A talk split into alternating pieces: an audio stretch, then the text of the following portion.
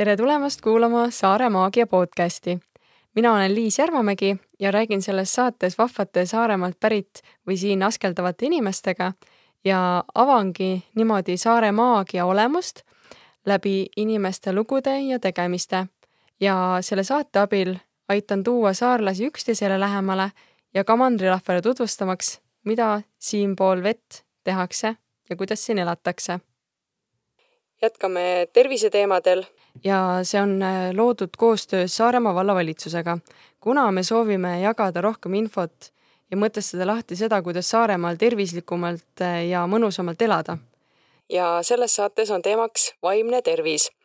istusin maas psühholoogi Birgit Pihlasalu ja sotsiaalpedagoog Taidi Pluumiga. Neid äh, ühendab äh, selline ettevõte nagu Saaremaa Toetava Hariduse Keskus. Nad räägivad saates enda tööst täpsemalt, sellest, kuidas nad sinna jõudsid, mida teeb äh, see ettevõte üldiselt Saaremaal ja rääkisime pikalt ka mis on asjad, millega saab oma vaimset tervist toetavad, et mis on hea vaimse tervise hügieenitegevused näiteks siis äh, et kuidas siis Saaremaal abi küsida, et äh, kuhu pöörduda ja kui siin on selline vibe, et äh, kõik teavad kõiki, siis kas siin on turvaline küsida abi sellistel nagu tundlikel teemadel, nagu on vaimne tervis, aga tegelikult eks see kõik on tunnetamise asi, et, et sellest nad räägivad ka, et kuidas siin on. ja nad räägivadki sellest, et kuidas nemad igapäevaselt laste, noorte ja ka lapsevanematega koostööd teevad ja kes on veel, kellega nad äh, peavad ja saavad koostööd äh, teha selleks, et äh, jõuda päriselt nende laste muredeni ja nendele ka lahendusi leida. et hästi lahe osa oli. siin sain ka sellised ter-, töövihikud kingituseks. Birgit räägib nendest saate lõpus ka lähemalt, aga ma ütlen praegu ära, et neid saab siis Tervisekassa lehelt tellida ja peaasi.ee on ka veebileht, kus saab äh, hästi palju abi erinevate vaimse tervise teemadega. et äh, Birgit andiski mulle minu vaimse tervise esmaabiraamatu, unevihiku, depressioonivihiku ja ärevuse töövihiku. nii et äh, võid neid juba vaikselt vaatama minna. Need saab ka PDF kujul, aga saab ka paberkujul ja võib-olla sa märkad neid ka erinevates asutustes, mis on seotud selle teemaga, et ka sealt saab neid tegelikult endale et ma tahtsin seda ka siin jagada. ja kui sa leiad, et see osa oli sulle kasulik, sa said siit mõne hea mõtte või äh, mõne infokillukese, siis äh, jaga seda infokillukest mõne oma tuttava või sõbraga või jaga seda saadet. see saade on küll pikk, aga see on väga-väga väärt kuulamist, väga mõnus, kerge ja nii äge oli näha eh, nii noori ja mõnusaid eh, erksaid naisterahvaid, kes äh, tulid ja jagasid oma valdkonna äh, teemasid väga professionaalselt.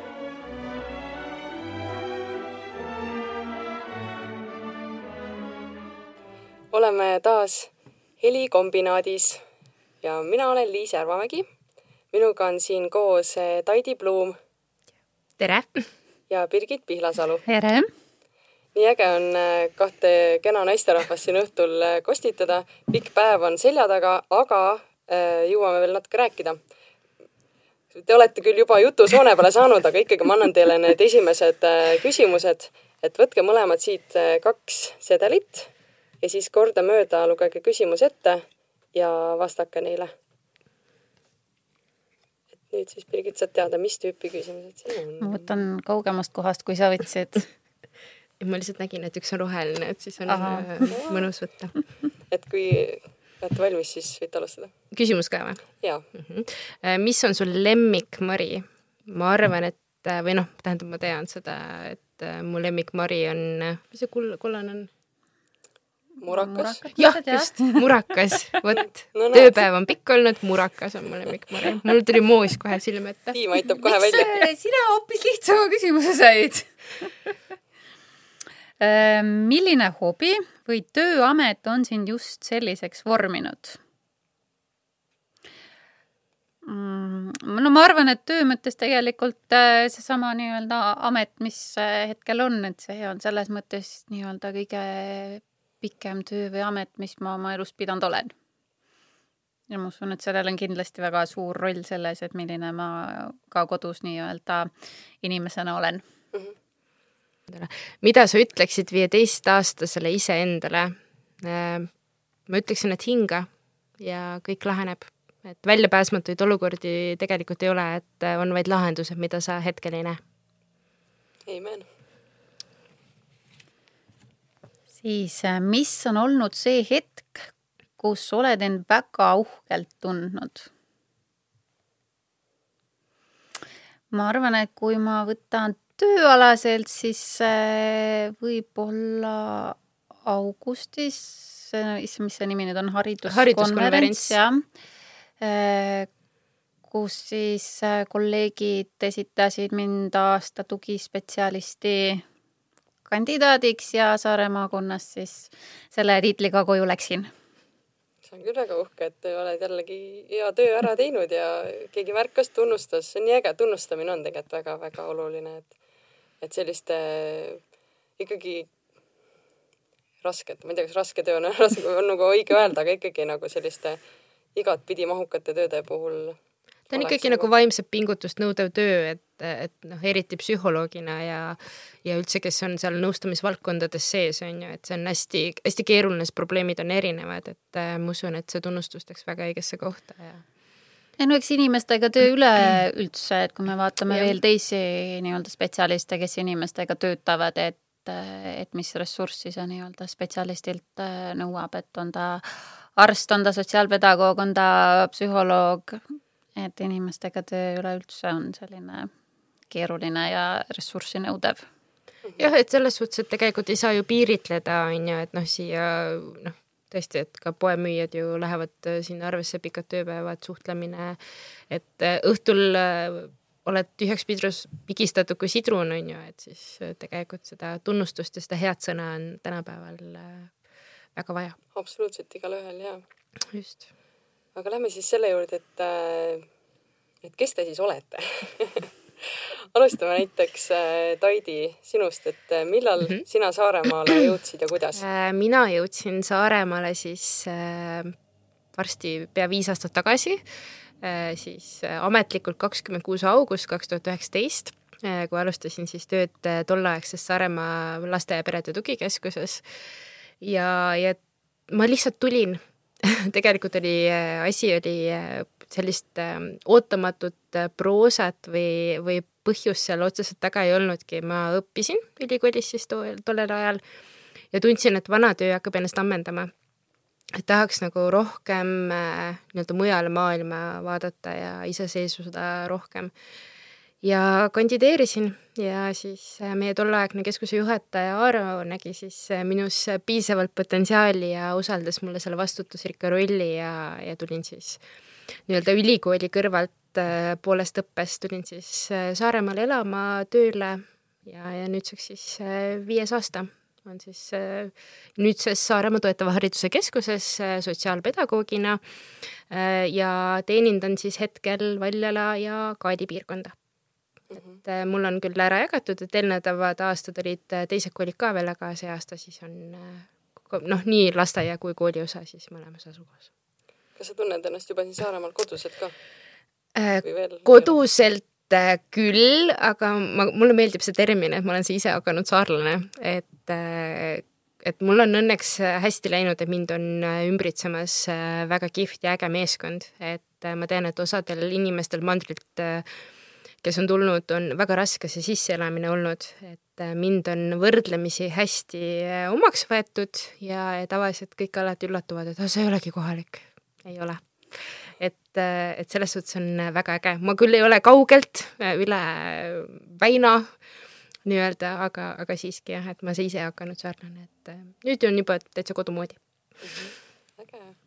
ja Birgit, millal sina sattusid või jõudsid Saaremaale ja kuidas? mina olen täitsa puhas tõugusaarlane ehk siis mina jõudsin Saaremaale Kuressaare haiglast mina olen terve elu siis siin elanud, siin kasvanud. et eh, eemal olen viibinud siis ainult ülikooli õpingu ajal viis aastat. ja, ja siis, kui õpingud hakkasid eh, lõppema kaks tuhat seitseteist kevad, siis juba tulin tagasi ja hakkasin tööle Kuressaare haiglas. mis su esimene amet siin oli? psühholoog. eks sa oledki nagu, nagu sa ütlesid, terve aja olnud? jah ja., et, et ülikooli lõpetamisest saati mm. -hmm. aga kuidas ähm, kuidas sa üldse nagu, kas sa valisid selle ameti nagu teadlikult või sellega, sa läks, läksidki seda õppima ülikooli? kuidas sa üldse selle koha peale jõudsid, jõudsid? ma arvan, et see oli koostöös emaga minu ema on karjäärinõustaja ja, ja tema kunagi nägi üldse, et mina võiksin olla lasteaiaõpetaja, sest äh, nagu ta sõnastas, siis lapsed kuidagi lihtsalt tulid et ma lihtsalt tõmbasin lapsi ligi.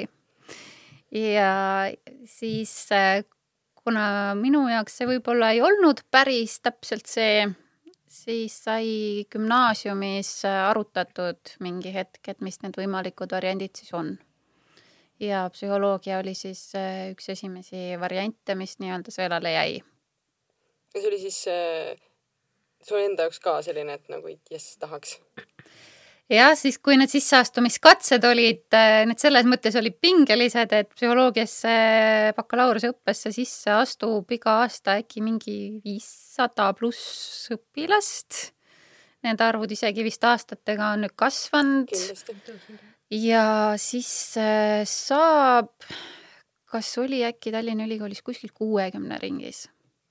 See on alla kümne ei, peaaegu jah, natuke üle kümne protsendi. et midagi sellist, et selles mõttes ta oli üsna pingeline, et mul oli olemas varuvariant, aga ega ma seda väga ei tahtnud pingutasid ikka täiega et, et nii palju, kui, kui andis mhm. ja praegu, mis tööd sa teed, mis ametil sa oled? Praegu siis samamoodi psühholoog, aga lisaks äh, sellest aastast ja vaatan kolleegile otsa endal, ajaliselt läheb juba sassi, mänguterapeut väga äge. et see on nüüd jah, sellest aastast siis äh, lisa nii-öelda -hmm. ametinimetus. tasub usaldada jah seda nagu, mis, mis nagu tundub õige, et kui ikka lapsi tõmbad, siis siis mine nagu. et jah, et, et lastest ei pääsenud. just, just, just, et, et. et, et seda ema sai, et, et lastest ei pääsenud. minule väiksena ei ole nagu kunagi lapsed meeldinud, aga praegu ma tunnen, et mul on, et need lapsed on minu sihtgrupp ka ikka nagu, mida varasemalt äh, need asjad kuidagi neile antud saab, seda parem tegelikult, et, et, et täiskasvanud inimest on palju raskem nagu selles mõttes isegi aidata kui väikest, kes juba alles kujuneb, eks ju. ja siis, äh, mis sinu ähm, teekond on sotsiaalpedagoogina? Äh, tähendab, sotsiaalpedagoogiks äh, ma sain nii-öelda juhuse tahtel, kui võib nii öelda, et ma tegelikult ülikoolis õppisin sotsiaaltööriile, et ja see tuli ka nii-öelda vanas eas on vist õige öelda, et et ma nooremana ei teadnud nii täpselt, küll mõtlesin siin ajalooõpetajaks saamist ja, ja kõike muud, siis käisin suures ilmas ära, tulin tagasi Eestisse ja, ja ikka ei osanud teada ja siis tuli elu omavahele. ja, ja siis kuidagi mulle meeldib sotsiaaltöö juures see, et see on nagu inimestele orienteeritud, see on lahendustele orienteeritud ja, ja mulle selline asjaajamine ja suhtlemine istub, sobib ja, ja siis, aga kui ma käisin kohalikus omavalitsuses praktikal ja siis ma sain aru, et äh, ma ei ole veel päris sealmaal, et ma tahaks täiskasvanutega tööd teha ja siis, kui keskus loodi ja töökuulutus äh, nii-öelda avalikuks tuli, siis äh, siia ma kandideerisin, ise teadmata veel täpselt, mis see endast kujutab. et ülikoolis meil äh, erialane aine küll oli olnud, aimdus oli olemas, aga, aga nii nagu see keskus oli tollel aegne, tollel ajal, siis äh, noh, minu jaoks ja üleüldse Saaremaa jaoks ka uus ja uhke asi, on ju. et siis, siis see oli ka see koht, kus äh, mõtlesin, et okei okay,, proovime siis üheskoos kasvada ja siiamaani mulle see istub, sobib. et seal on nagu kõike, et äh, sotsiaalpedagoogi roll on äh, haridusasutuses on hästi lai, et et noh, sealt saadki teha asja ajada, saad aidata, saad koordineerida, saad toetada, saad nõustada, et et äh, see on nagu väga suur ampluaa, mida sa tegelikult ise saad ära teha ja mulle meeldis see tähelepanek, mis sa ütlesid, et, et väikest last on lihtsam juhtida. ja tõepoolest nii on ja, ja sageli on ka tänases nutimaailmas on ju see, see küsimus, et, et mille kaudu me juhime. et kas me juhime inimesena või juhib meid tehnoloogia, et äh, see on selline, selline koht, kus me spetsialistidena ja ka lapsevanematena saame kindlasti tähelepanu rohkem juhtida ja, ja suunata õigesse kohta, et mm, -hmm. et see on nagu see. Mis see ettevõte on siis, mis teid ühendab?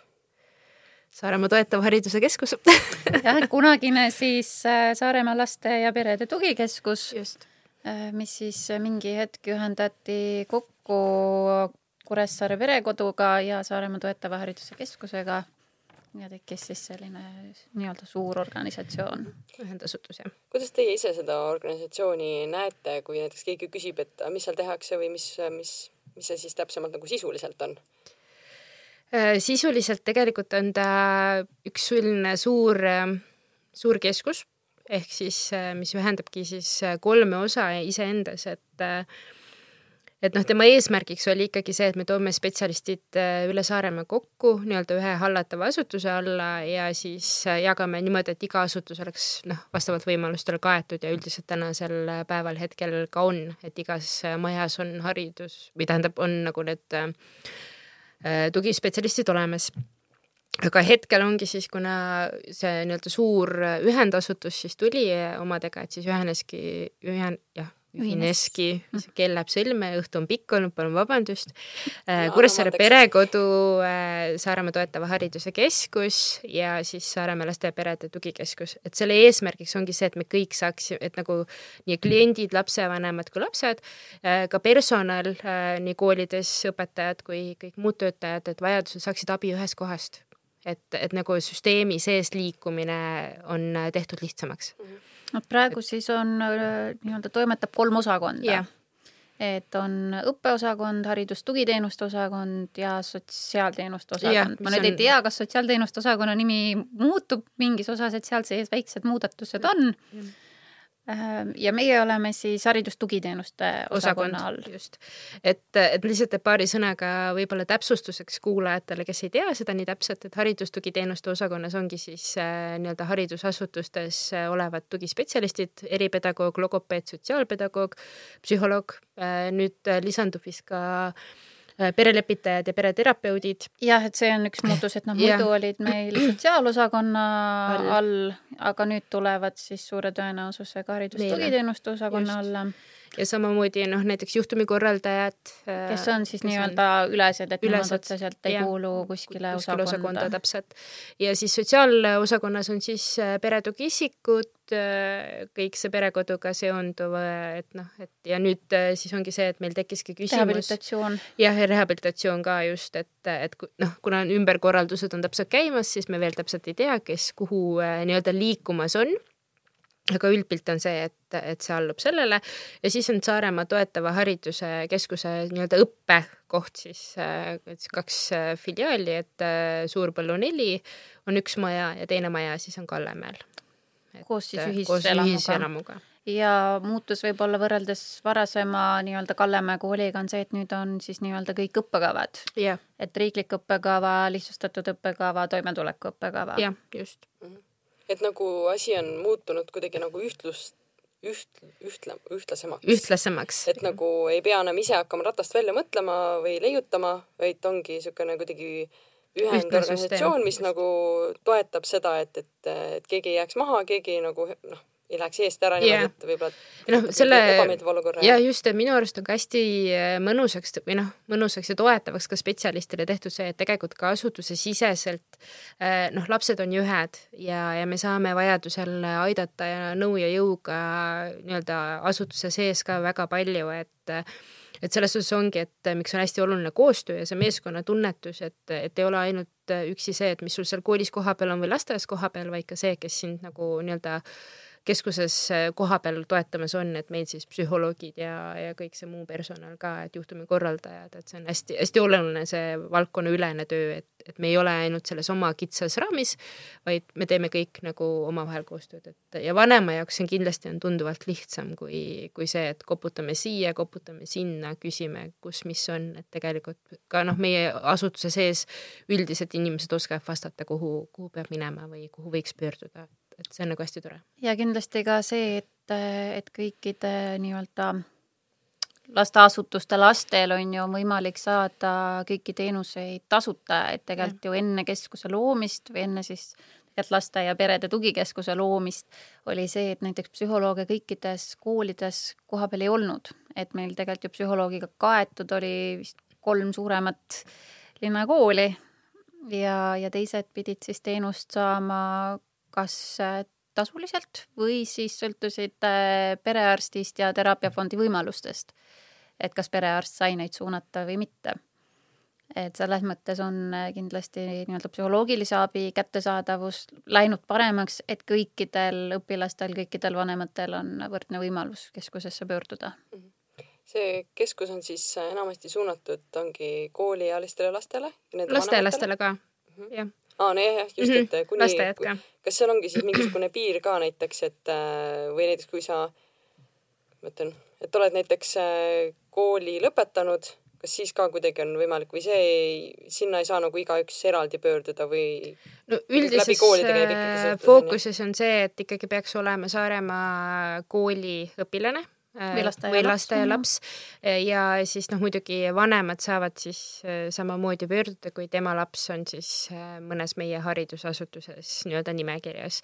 et eks ta selline kompamine on, et noh, näiteks ega me ei ole ka ju kellelegi ei öelnud, kui laps lõpetab gümnaasiumi ja hakkab ülikooli sättima, aga tunneb, et vajab vaimse tervisega abi et kindlasti on alati väga teretulnud pöörduma ja, ja me hea meelega aitame, et ega kedagi hätta ei jäeta. Mhm. et siis saab ju lihtsalt edasi suunata, kui on nagu välja selgitada, mida ta täpselt vajab ja kus ta täpselt Just. on, sest et olgem ausad, mina olen ka mandrit pärit ja mul elukaaslane on juba mitu korda küsinud, et, et oled sa hambaarstile aja pannud, et oled käinud juba ja mina ütlen, et mul on nii raske minna hambaarstile, sest ma ei tea, keda siit valida, ma tean mandril, ma tean, kuhu helistada, ma helistan otse hambaarstile, ütlen, kas saan tulla, vaata. et kui ongi näiteks Saaremaalt pärit, aga siis mandril kuskil või mujal asju ajamas ja ta ei ole nii tuttav võib-olla mujal asjadega, aga siin teab kedagi mm, -hmm siis ma arvan, et see on väga teretulnud kellegi tuttava poole pöörduma. absoluutselt ja, ja, ja tegelikult noh, nii minu ja Birgiti praktika on ikkagi ka see olnud, et et isegi kui laps, ütleme, lendab nii-öelda pesast välja ehk siis lahkub Saaremaalt ja, ja lõpetab meie koolid ja suve jooksul näiteks võtab ühendust, et siis me aitame ka nii-öelda järgmises elukohas, noh, on see siis Tartu, Pärnu, Tallinn, et noh, meie jaoks ei oma tähtsust, leida need inimesed, kes saaks teda aidata. ehk siis me anname ka selle oskusteabe, et et kust vaadata, mida vaadata, kelle poole pöörduda, et kindlasti see vaimne tervis ei hakkaks kannatama nii suurte elumuutuste toel. ja kindlasti on neid olukordi, kus vähemalt mina olen küll jäänud veebi teel kohtumist tegema esialgu, et, eh, et kui ta ei ole valmis kohe esimesel õppeaastal seal Tallinnas veel ühte uut inimest nägema siis me oleme lihtsalt saanud äh, veebi teel kohtuda, et õnneks meil on ideaalsed veebivõimalused äh, olemas selleks jah, selles suhtes, et vaata, kui äh, Covid midagi õpetas, siis seda, kuidas veebis toimetada ja nõustamisi läbi viia nagu rohkemal ja suuremal määral ja ka koosolekute osas, eks ju. Et, et see on hästi tänuväärne osa ja, ja mul on ka praegu näiteks Tallinnas on samamoodi, laps on ammu nii-öelda minu nimekirjast läinud, aga aeg-ajalt ikka võtab ühendust, äh, küsib nõu, et noh, kuidas ma ütlen ei, noh, sellist asja ei saa olla, et et see samm on astutud, laps on pöördunud, äh, siis patt oleks, äh, oleks mitte välja teha sest ega see abi palumine ei ole ka nii lihtne, et tuleb nagu austada, et ta võttis selle kätte. et see, kus sa seda abi küsid, et juba see, et sa leiad endas selle jõu ja ütled, äh, ütledki, et mul on abi vaja, et ole hea, aita mind, siis äh, seda nagu ei öelda, siis võid olla kindel, teist korda ei, ei tule enam seda abipalvet. just, just.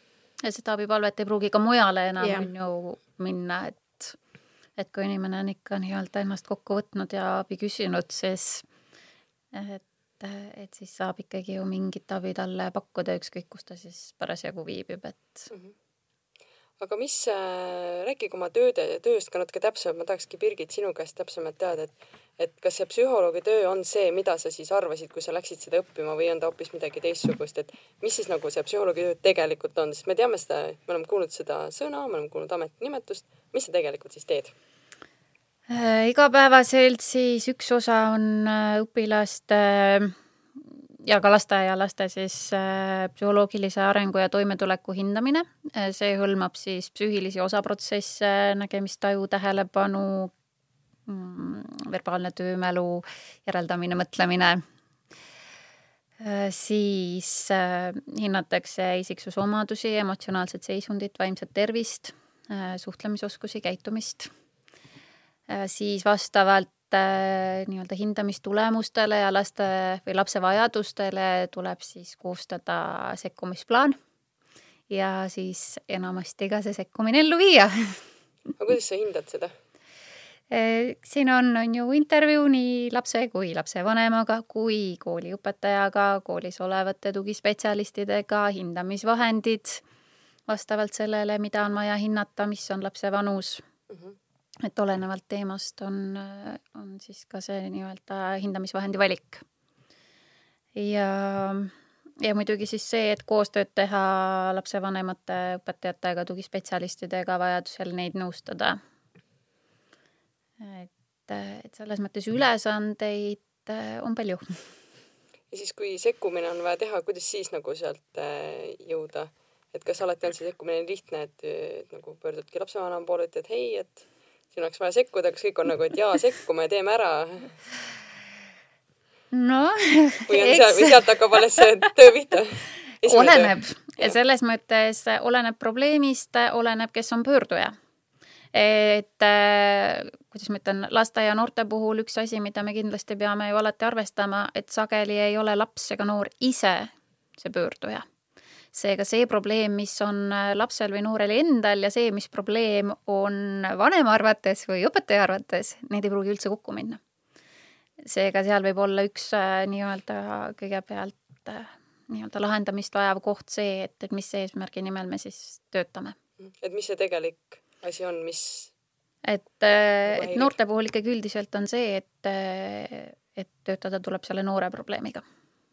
et äh, oletame, et õpetaja probleem on see, et ma ei tea, laps segab tundi, ei õpi, hinded langevad, noore probleem on võib-olla see, et tal on sõprussuhetes midagi, siis me tegeleme sellega, et on sõprussuhetes midagi, mis vajab lahendamist ehk siis tegelikult me tegeleme ikkagi selle inimese probleemiga, kes on kabinetis. Mhm. ehk et seal on nagu erinevad äh, on sümptom ja on nagu see, kuidas see väljendub või nagu no ma ei teagi, kuidas seda öelda, et, et põhjus on see, et tal on midagi isiklikul, isiklikult nagu mure ja mm -hmm. see väljendub niimoodi, et ta ei suuda muudele asjadele ka keskenduda Just. või otsibki kuskilt mujalt mingit tunnustust või mm -hmm. niimoodi onju, et. ehk siis on üks ja sama mm -hmm. sümptom, mida kõik näevad, on ju, et näiteks laps ei suuda keskenduda, aga see, mis põhjus selle taga on, et seda võivad me, meil kõik inimesed eeldada erinevalt, et vanemad eeldavad ühte asja, õpetajad eeldavad ühte asja ja mina võtan ja lapse ette ja saan hoopis kolmanda asja, onju. Mhm. ehk siis sihuke väike nagu et ka siukseid asju võib juhtuda. detektiivitöö natukene, onju. jaa, selles mõttes see on õige, et mulle on väga meeldinud vanematele ka aeg-ajalt öelda, et lapse mõistmine on natukene nagu detektiivitöö, et laps ei ütle ise meile kõike. ja sa ei saagi kohe otsa vaadates aru, vaid sa pead lugema mingeid väiksemaid märke sealjuures, et, et et mis see on, mis laps on ju öelda tahab või mis ta meile väljendada tahab, et see ei ole päris nii, et üks-ühele, et et laps tuleb ja ütleb, et tead, et ma täna tahaksin, et sa minuga mängiksid ja pööraksid mulle rohkem tähelepanu. jaa, just, just, just. kui see oleks nii, siis oleks ju tegelikult asjad poole lihtsamad. aga päris nii see ei ole, et et siis on ikkagi natukene mm -hmm. nuputamist. Ja lapsed ei oskagi öelda, nad ei teagi võib-olla, miks nende sees mingid tunded on. et äh, jah, ka see võib ja. olla, et, et välja selgitada üldse, et või aidata lapsel mõista, et mille pärast meil mingid tunded on või tekivad mm. -hmm. Taidi, sa võid ka rääkida natukene võib-olla sotsiaalpedagoog? just, sotsiaalpedagoogi tööst ka, sest et see on kindlasti niisugune asi, mis arvatakse, et ta teeb kõike. jaa, ja veidikene on ka mm -hmm. selline, ta on nagu ähm, Äh, hall hunt äh, lammaste nahas äh, nii-öelda siis, et tegelikult et meie töö või noh, minu töö eesmärgiks siis ongi aidata nii lastel kui noortel toime tulla erinevate olukordadega, tundma õppida enda emotsioone, juhtida iseennast ja noh, põhiline on ikkagi see erinevate sotsiaalsete toimetulekuprobleemide ennetamine. Et tegutsemisvõime ja kõik see toimetulek, et kuidas sa toime tuled oma hinnete ja aja planeerimisega äh,, Äh, noh, mis põhjustab ärevust, et see esmane kontakt noorega koolis olen siis äh, mina lisaks õpetajale. et sageli on meil, äh, näiteks ma toon näite, on olukord, kus noor läheb väga endast välja et, et ta ei taha näiteks suuliselt vastata klassi ees.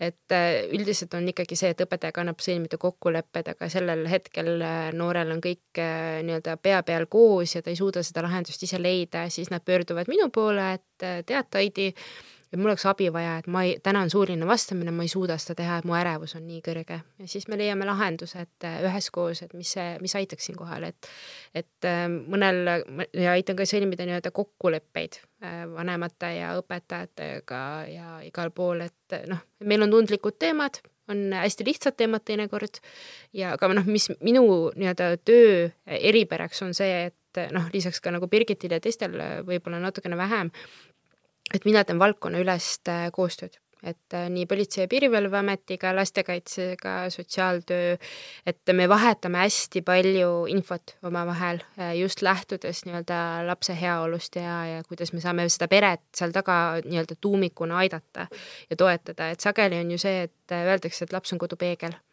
aga kui lapsel ja ka vanemal teinekord puuduvad nii-öelda õiged oskused ja toimetulekuviisid, siis, siis siinkohal ongi see mina minu roll nii-öelda, kes aitab siis seda kõike ühtseks äh, tervikuks sõlmida, et või vähemalt üritan.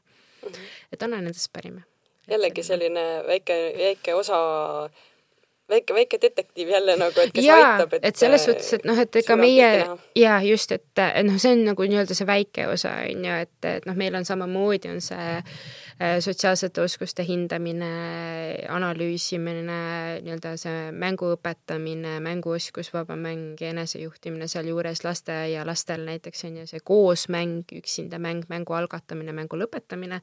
et see tundub nagu võib-olla lapsevanemale kuulates praegu, et ah, mis asja, et laps ju oskab, on ju, noh, tegelikult. tundub nii keeruline, et ma tahaks ka osata seda, aga nagu, et aga kuidas on... ma oskan, ei oskagi, siis ongi selleks teised inimesed ja, ja mina ei peagi kõike oskama ja, ja minu arust, mis täna tänapäeval on natukene nagu kuritegelik lausa, et, et sageli antakse sellele lasteaialapsele, kes on pikast lasteaiapäevast, mis on tema jaoks tööpäev, eh, nii-öelda nutiseade kätte, et ah, ole, et et noh, ema-isa saaksid kas koduseid toimetusi teha või, või siis õppida, on ju, või noh, tähendab nagu oma tööasju teha ja siis tegelikult eh, mõeldakse, et ah, see ka ju arendab. ühest küljest küll ja, ja teisest küljest võtab väga palju ära ka, et see areneva lapse nii-öelda Äh, mõistus ja toimetulek väljaspool nutiseadet paraku nagu kärbub, et, et see on see osa, millega meie ka lasteaedades tegeleme, et kuidas saada nad ühtseks, et mängige omavahel.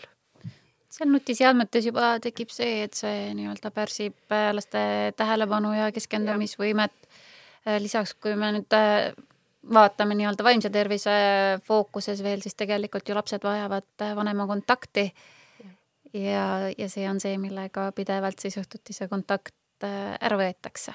ja, jah, sest et äh, võib-olla lapsevanem ongi sellest suhtlemisest väsinud, on ju, kui laps on oodanud päev otsa seda oma lapse, nagu oma vanemaga, vanemaga seda ühendust, eks ju. jah, et noh, ja olgem ausad, eks ta on selline mm, kerge-kiire lahendus, et mm, -hmm. et noh, muidugi vaata see, et sa istud, võtad selle aja, kuulad oma last, et minu lemmikütlus on kuula ja kuule et ole kohal, ole hetkes, et, et see on see, mida sina saad vanemana igapäevaselt oma lapse jaoks ära teha. et et ka mina ei ole patust prii, eksin ka aeg-ajalt selle vastu ja teen õhtul hilja tööasju näiteks, et ja see on samamoodi, et ma näiliselt olen kodus, aga ma tegelikult ei ole olemas. et see on hästi suur roll ja, ja noh, nii-öelda koolis kohapeal või lasteasutuses kohapeal lasteaias äh, on ka vanematega töö üks osa, mida me kindlasti hästi palju peame tegema ja teeme, lisaks siis kohapealne personal, et, et see nõustamine ka, et see toetamine, et kuidas ongi just see, et et näiteks esimese-teise klassi lapsed, kuidas harjuda koolirežiimiga, et see päevakava, see ülesehitus, see, et ta suudaks seal püsida, et kuidas see teda, teda toetaks tänapäeval, mitte vastupidi mm. -hmm ma arvan, et tähtis ei olegi perfektsus, vaid see, et me teeksime samme ja me eksime kogu aeg, aga et me nagu annaksime Just. endale andeks ja ja teaksime, et, et see oli nüüd viga ja saab paremini teha. jaa, sest tegelikult on ka selles suhtes, et, et noh, minu jaoks on kõige suurem asi see, et aa, et ta tegi nüüd seda või tegi seda, ta on nüüd halb laps. laps ei ole kunagi halb, käitumine võib-olla ei ole see, mis äh, võiks olla, aga seda saab õpetada, seda saab arendada, seda saab rääkida, et olukorrad tuleb ära lahendada lihtsalt, et, et siin ei olegi nagu seda ühtset äh, silti, mida teha ja ütleme niimoodi, läbi kogemuste õpime me kõik, laps ka. Ja, ja alati peab olema ka ootused võiksid olla eakohased, et, et sa nagu ei saagi oodata võib-olla mõned inimesed kes veel ei oska seda mm -hmm. oskust või tema aju ei ole sinnamaale arenenud yeah. mingisuguseid vastavaid käitumist ju. see on hästi sage tegelikult, mis äh, tuleb, et äh, kas siis õpetajad või nii lasteaias kui koolis või lapsevanemad ootavad lastelt äh, midagi, mis tegelikult ei ole võimalik -hmm. et aina rohkem satub näiteks mulle kabinetti lapsi, ütleme siuksed neljased, viiesed, kellelt eeldatakse ja oodatakse, et ta istub nelikümmend viis minutit paigal me ei saa oodata sellist asja. või äh, eeldatakse ja oodatakse, et ta igas olukorras tuleb oma emotsioonidega toime. no ei saa ja. eeldada ja oodata, et nendel ei ole selles mõttes selliselt välja arenenud äh, otsmikusagarad, et nad äh, saaksid sellega hakkama. et selles mõttes me täiskasvanutena peame ikkagi vaatama seda ka, et mis asja me ootame. noh, ja vaata, mis tänapäeval äh, lasteaiaõpetajate puhul on ka üks äh, üks suur nii-öelda murekoht tegelikkuses on see, et kõik peavad ühtemoodi toimetama, kõik lapsed peavad ühtemoodi toimetama, ma saan aru, see on see ideaal, mille poole me püüdleme, aga tegelikult on see, et no kui ma ei taha täna kaasa teha seal muusikaringis või ma ei taha seal liikumises teha, et ma kardan mustaks saada, et tegelikult on selle lapse sees ka enda sees, kui temaga vestelda tema tasandil, et sa laskudki rahulikult tema tasandile kuulata ära et aga miks sa täna ei taha liikumisringi minna, ma ei taha mustaks saada, mulle ei meeldi mustaks saada, eks ju, et tegelikult seal on loogiline põhjus taga, aga õpetajad sageli eeldavad, ah, ta ei tee, ta käitub halvasti, see on nii suur murekoht. võtavad isiklikult, see on nagu tähtis, see on ka asi, et võtan isiklikult, näed minu tunnis ja noh, see on see yeah. hästi nagu suured prillid on yeah, ees nagu. kuigi tegelikult tasub mõelda, et ega ju meie ka täiskasvanutena ei taha kogu aeg kõike teha või, või kõike kaasa teha, et äh, et ma olen vahest toonud mõnele õpetajale või lapsevanemale näite, et ka osaled koolitusel. koolitusel antakse erinevaid ülesandeid. mõni võib olla tobe, mõni tore kas sa tahad kõike teha, on ju, ei taha. et äh, samamoodi ei taha laps kõike teha. ja, ja siis on see koht ka, kus äh, võib-olla ei taha teha, aga ikkagi teed sest et mingisugune nagu surve on peal. mingi surve mm, -hmm. mingisugune võib-olla sisemine hääl räägib sulle, kui ema kunagi mm -hmm. ütles, et näed, kuidas te teised teevad, sina ei saa, et see kõik nagu tuleb ja tegelikult, kui me räägimegi täna vaimsest tervisest, siis ma, üks asi, mis äh, ma olen ka mõelnud, on see, et, et inimesed tihti ei julge nagu ka eemalduda sellest olukorrast, mis on neile halb. et on, ollakse mingisuguse harjumuse või mingisuguse no, mingisugusel põhjusel, et kui ei teata, kuidas siit välja minna, et äh, aga räägime korra sellest, et mis on nagu mingid sellised äh, vaimse tervise nagu hügieenitegevused, et äh, no või üldsegi, kas vaimset tervist saab võtta kui sellise nagu eraldi valdkonnana või kuidas teie seda üldse näete? vaatad mulle otsa, vaimne tervis selles mõttes jaa, on omaette äh, valdkond äh,, et äh, et oluline ongi, et noh, et, et mis see vaimne tervis siis on, et kui me sellest räägime, et see on nii-öelda selline seisund, see ei ole kogu aeg üks ja sama. see ei sõltu sellest, kas mul praegu käesolevalt on mingi probleem või ei ole. et see on siis selline nii-öelda heaoluseisund, mille puhul siis inimene suudab töötada, suudab õppida, nii et sellel on tulemus, ta suudab äh, igapäevaste toimingutega hakkama saada ta suudab oma võimeid nii-öelda realiseerida, kasutada ja ta suudab äh, panustada nii-öelda ühiskonnaellu ja sõpradega või lähedastega suhtlemisse ehk et siis on see vaimne tervis seal tasemel, eks ju, et kui see on see ja, ja, ja probleem tasemel. on ju, on siis meil see, et kui inimene ei tule nende asjadega toime, et ta ei suuda tööd teha või ta ei suuda suhelda või ta ei suuda enda eest hoolitseda ja, ja just see, et kui see on kestnud nii-öelda pikemat aega, näiteks mõned nädalad, mitte see, et noh, täna oli halb esmaspäev, on ju, vaid see, et see on olnud pikemat aega, paar nädalat ja see segab inimese elu. et siis me räägime mingist vaimse tervise probleemist ehk et nagu füüsilises tervises on ka, sa oled haige ja sa oled või nagu kui sul on näiteks mingisugune väike tõbi, siis sa oled nagu lihtsalt tõbine, et ah, ma ei tea, et magan, söön tervislikult mm, -hmm. läheb üle, aga teine on juba see, kui see on nagu süvenenud, siis on nagu haigus. kas vaimses tervises on ka niimoodi?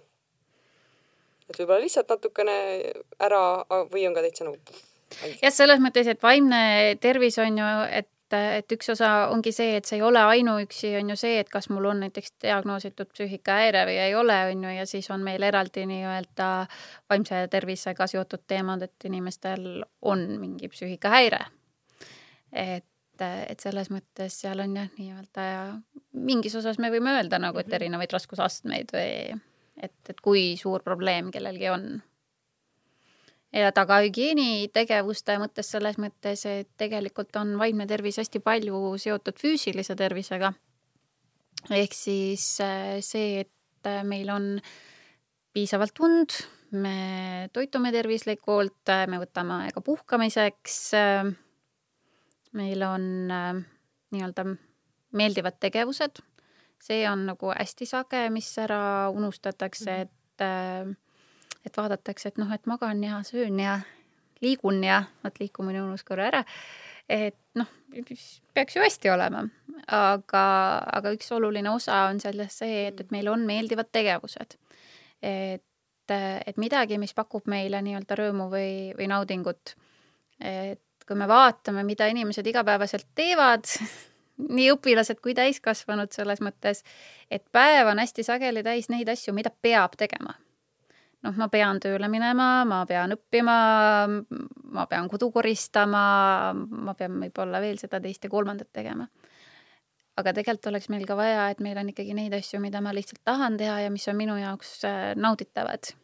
Et need sageli jäävad hästi ruttu tahaplaanile, kui meie kohustused nii-öelda kasvavad. Mm. -hmm ja kindlasti ma siia tooksin veel välja selle, et et lisaks nende kohustuste ja et selle meeldimiste taustal, eks ju, et hästi oluline on ka see, et sa teed neid asju, mis sulle meeldivad ja mis sulle midagi pakuvad nagu endale ka, nagu Birgit välja tõi, aga noh, tänapäeval noh, ikka on see sotsmeedia on meie elu osa jälgi neid inimesi, kes sulle annavad midagi. kui sa tunned või ka olu-, et oled olukorras, kus äh, pigem see ärritab sind, äh, olgu see kasvõi toidupoodi minek, jumala eest, ära mine täna sinna toidupoodi äh, või siis tanklasse või noh, mida iganes, eks ju, et eemalda eos juba sellest olukorrast, mis võib sinu seisundit nii-öelda halvendada või, või mingeid ärevushooge suurendada, et see on üks osa, mida tegelikult inimene saab iseseisvalt võimaluse korral hästi palju ära teha, et näiteks ärevuse foon, kui ma tean, et mind häirib see, et ma pean täna tanklasse minema, noh, ma ei lähe sinna tanklasse.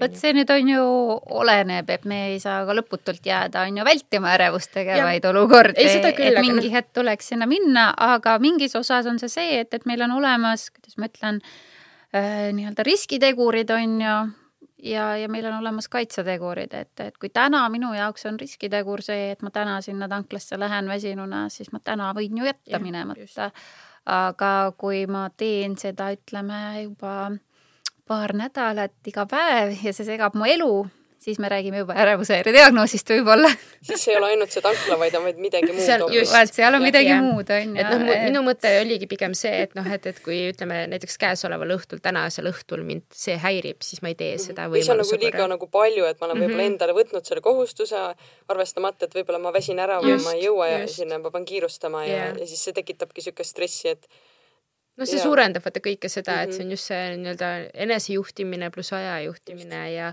ja ma arvan, et inimene saabki iseennast kõige rohkem äh, toetada sellel teemal, äh, kui ta vaatab iseendasse ja, ja saab aru, mis teda häirib, mis teda toetab ja see on juba väga suur samm edasi mm. -hmm.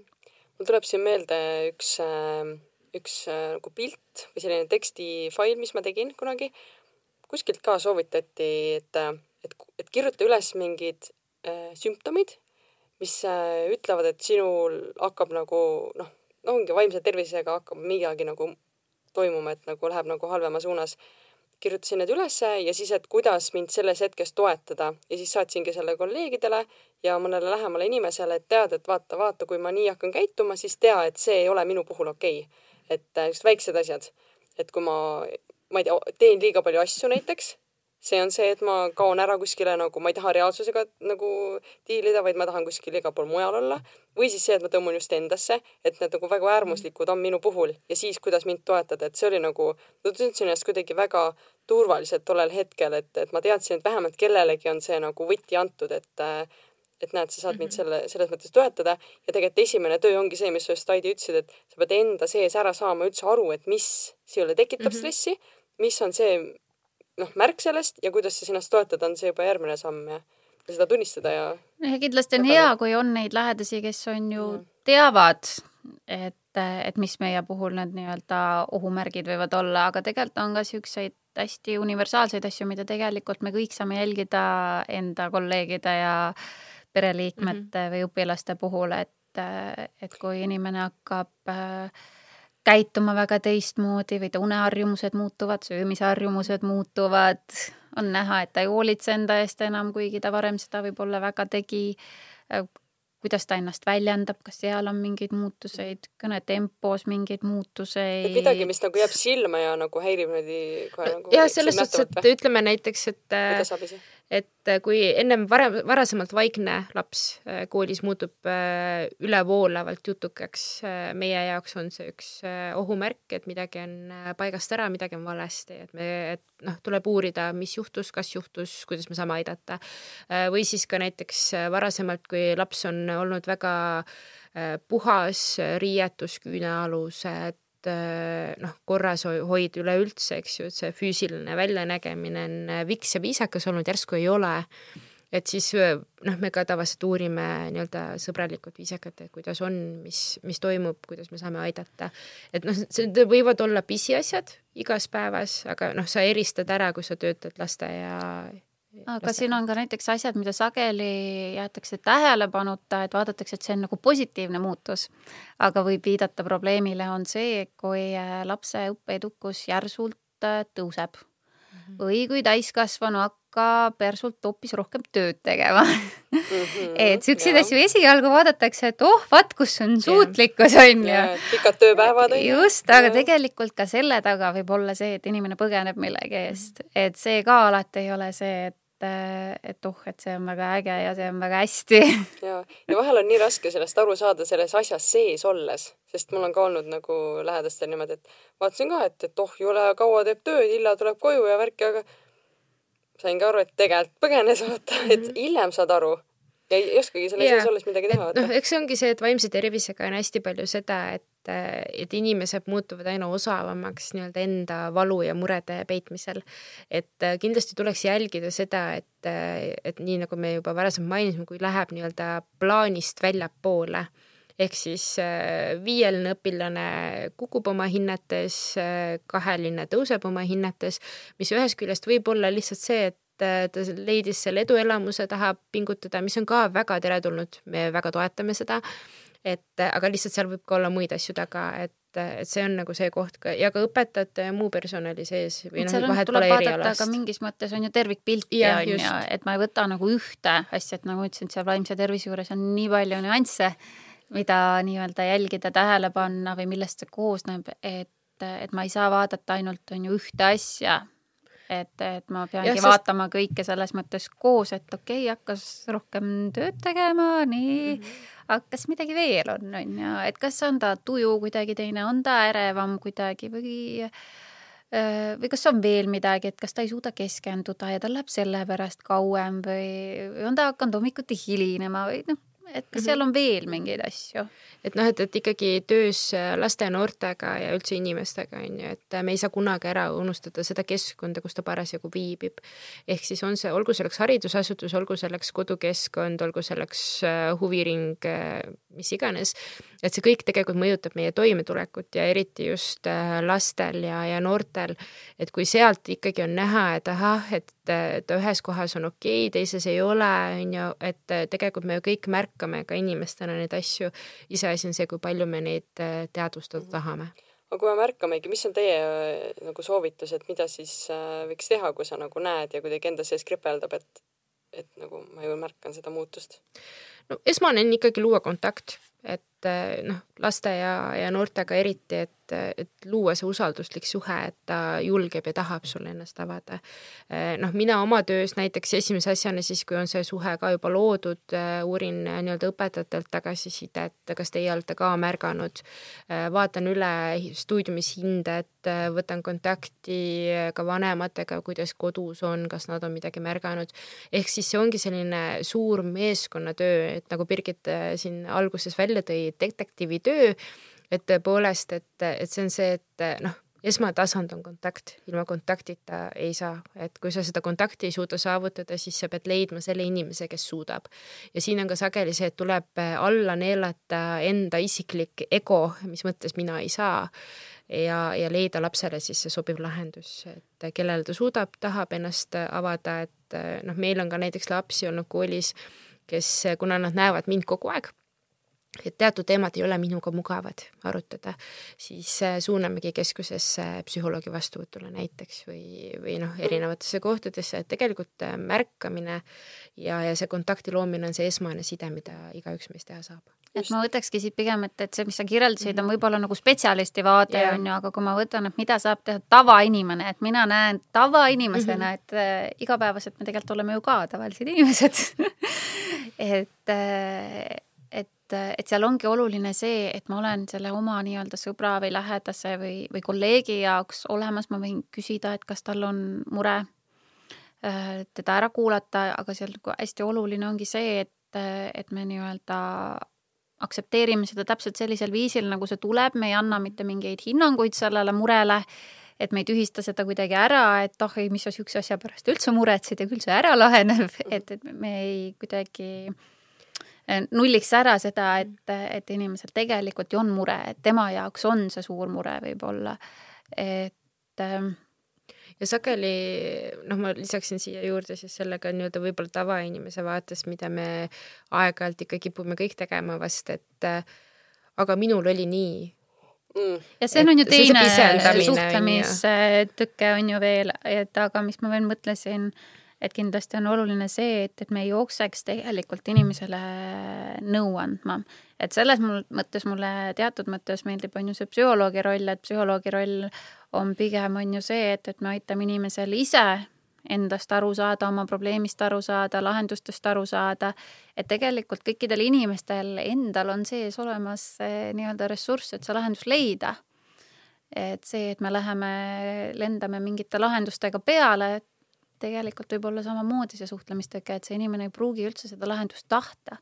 et ta võib-olla tahab lihtsalt ennast äh, tühjaks mm rääkida, et, äh, et noh, et täitsa jama on mm.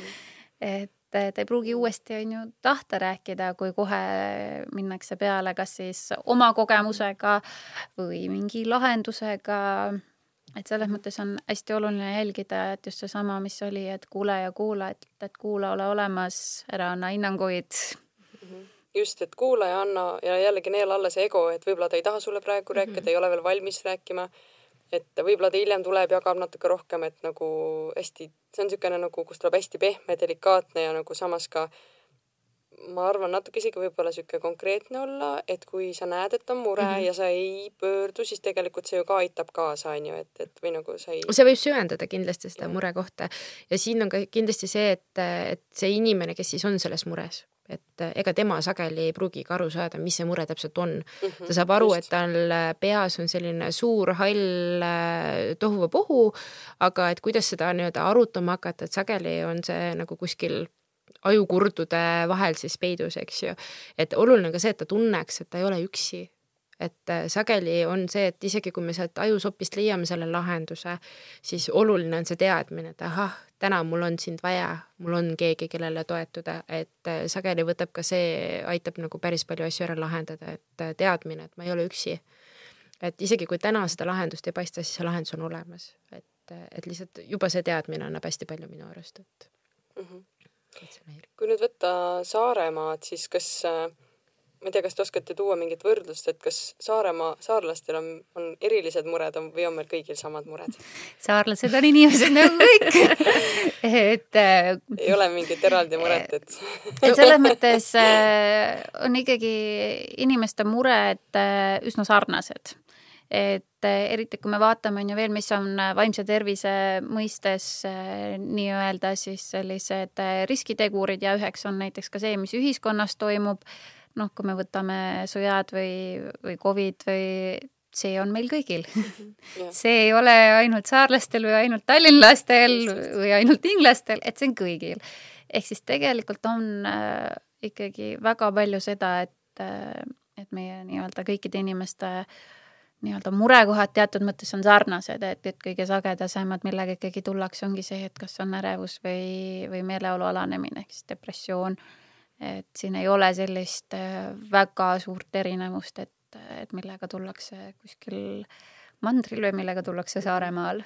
see vist jah, tõesti oleneb sellest, et äh, kus sa elus oled, mis sinu eesmärgid või nii-öelda see asi on, mida sa läbi millest sa läbi minema mm -hmm. pead, on ju, et kui on eksamite periood, siis nagu ongi ärevus kõrgem ja nii edasi. ja eksamite periood on nii mandril kui Saaremaal samasugune et siin noh, nii-öelda naljaga pooleks ma arvan, et äh, saarlaste või noh, kuressaarlaste põhimure on siis ikkagi veega seotud, et ja. et see on see, mida saame hetkel aga... eristada. samas aga..., kui võtta laserisaade viimane siis tegu on tegelikult juba üle-eestilise probleemiga. et seal ka nagu enam ei saa seda saare eripäraks äh, nii-öelda panna. aga Saaremaa on ikka esirinnas, ausalt, koroonaga ja kõigega on esirinnas.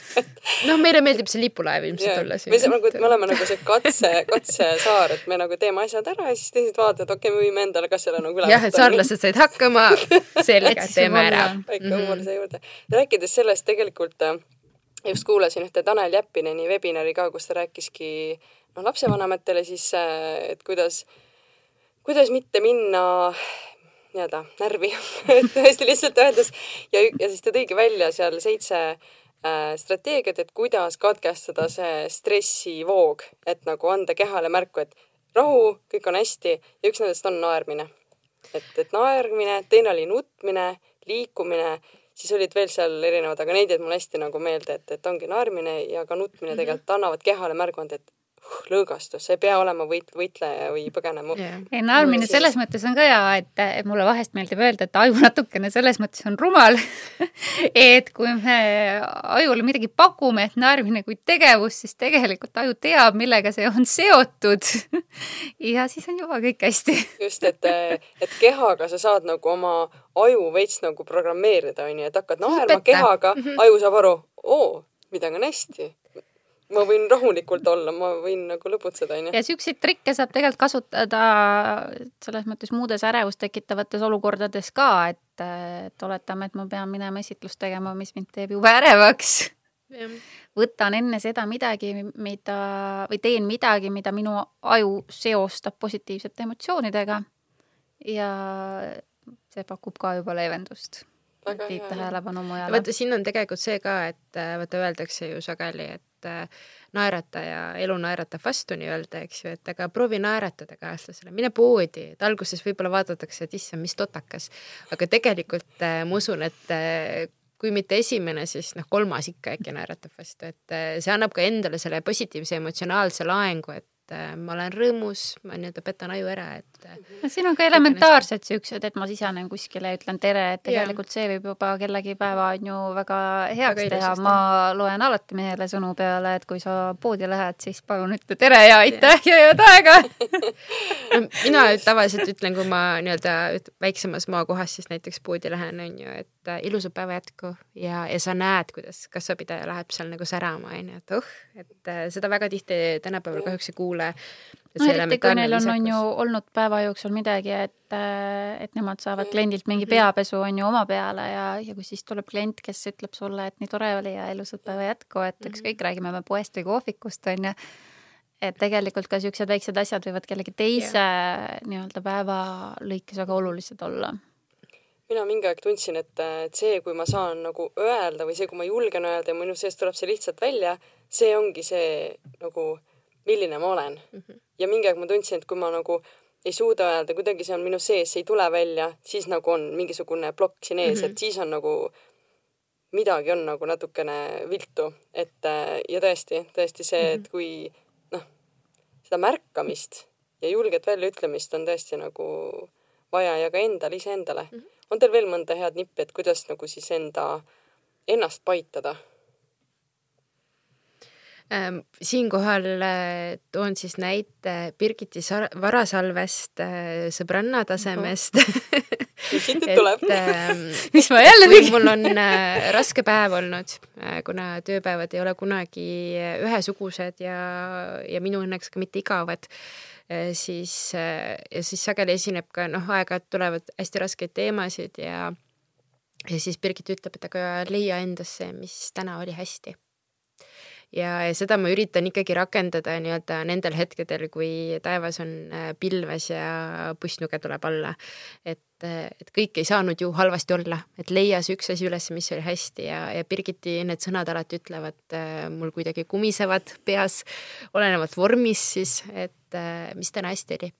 Et midagi ikka oli ju, näed, et ja siis, kui ma hakkan näiteks rääkima, et näed, mis mu päevas oli, mis mind nagu häiris või ärritas või, või endast välja viis, siis ta leiab mulle selle, selle konksu koha, mida ma ise ei märka ja siis hakkad mõtlema, ahaa, tõepoolest oligi, on ju, et, et minu arust see, et sa igas päevas leiad selle ühe väikse asja, et midagi oli hästi. ja isegi kui selleks äh, päevaks, päeva nii-öelda parimaks hetkeks oli see, et äh, ma hingan, ma elan, ma olen. Et äh, see on ka suur asi. et see selles mõttes on hästi oluline nii-öelda harjutada endale, et et on see siis see, et, et mis täna oli hästi või, või midagi, mille eest ma saan täna olla tänulik mm. -hmm. et et, et kui meil on pikalt elus mingi periood või, või lihtsalt on juhtunud, et, et noh, mitu päeva juba või nädalaid ma tunnen ennast kurvana, ma olen väsinud, siis aju hakkab aina rohkem märkama neid asju, mis veel kinnitavad seda, et, et sa oled kurb ja sa oled väsinud ja kõik on pahasti aga tegelikult ongi see, et tegelikult ei ole nii, et iga päev kõik on ainult, on ju, halb. et alati tegelikult iga päev midagi on et äh, on see see, et keegi, ma ei tea, naeratas mulle või, või see, et ma tegelikult mingi tööülesandega hästi hakkama sain või ma sain õhtusöögiks oma lemmik, äh, ma ei tea, praadi või, või ma sõin lemmikkooki või vahet ei ole, midagi ikka iga päev on.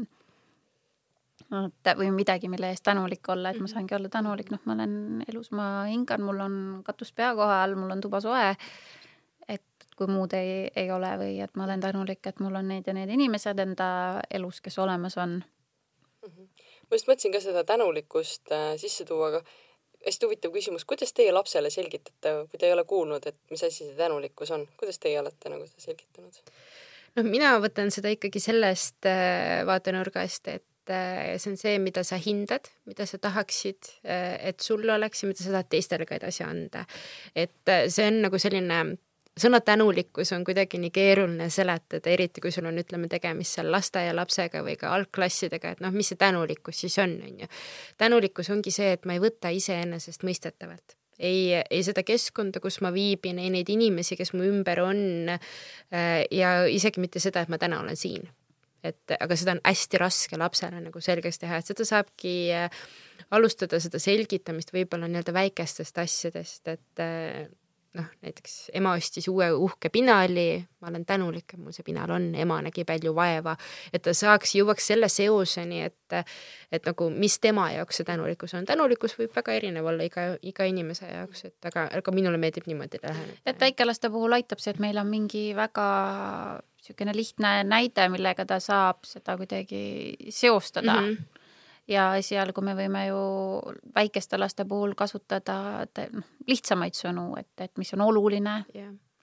või, või, või mis on, äh, meeldib või, yeah. noh, midagi nagu lihtsat. mis teeb tuju heaks. ja et, et see tänulikkus on, on ju keeruline või keerulisem mm -hmm. sõna, et, et kui me nii-öelda emotsioone või tundeid on ju ka lastele õpetame, siis oluline on alustada ju nii-öelda põhilistest, on ju, et et ta teeb kõigepealt äh, vahet sellele, et ta on rõõmus, kurb ja vihane mm, -hmm. me ei mhm. peagi rohkem võtma esialgu. et ta ei peagi esialgu teadma, et meil on veel pettumus ja ja mis meil veel meeleheide ja meeleheide ja on ju, sama on tänulikkusega, et, et esialgu ongi see nii-öelda rõõm tema mm -hmm. jaoks, et äh, ja noh, tekitab hea tunde. just mm, -hmm. ja tegelikult on ka see hästi oluline, et äh, lastele seletatakse asju äh, niimoodi, et ta saab sellest ka reaalselt aru ehk siis sa jälgid väga hoolega seda sõnakasutust, nagu Birgit siin ka välja tõi, et noh, mul ei ole mõel-, mõtet öelda viieaastasele, me täna diskuteerime ta ei saa suure tõenäosusega aru, mida ma mõtlen. ta juba seal disko juures ei nagu. just oh,, pidu, pidu, disko.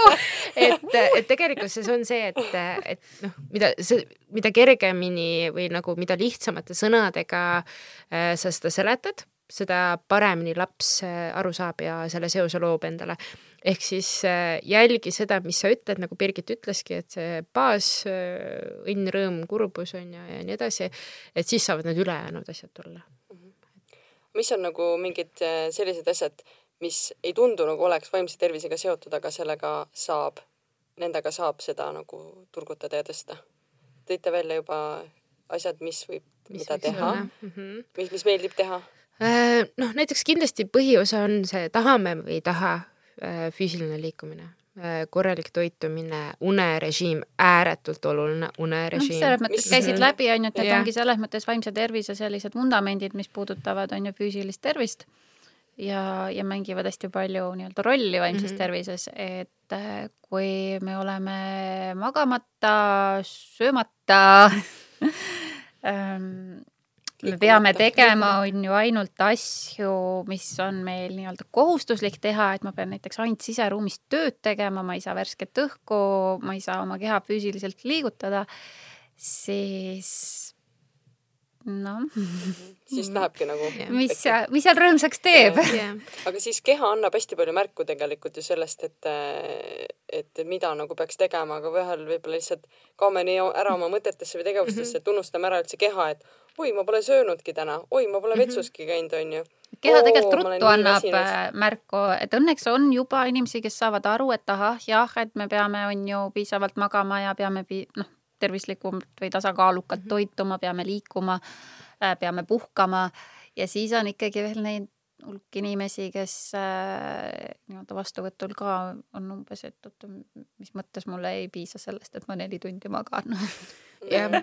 Või, või mis mõttes peaks nagu kolm-neli korda päevas sööma, et et ma söön korra hommikul kõhu täis ja, või noh, ma lõunal midagi natuke võtan või õhtul, et ma hommikul ka nagu süüa ei taha ja, ja aga kui me vaatame ka seda, et et me suudaks üldse keskenduda, oma emotsioone kontrollida, siis selleks on vaja ikkagi kehal energiat ja see saab alguse on ju sellest, mis me füüsiliselt ikkagi teeme.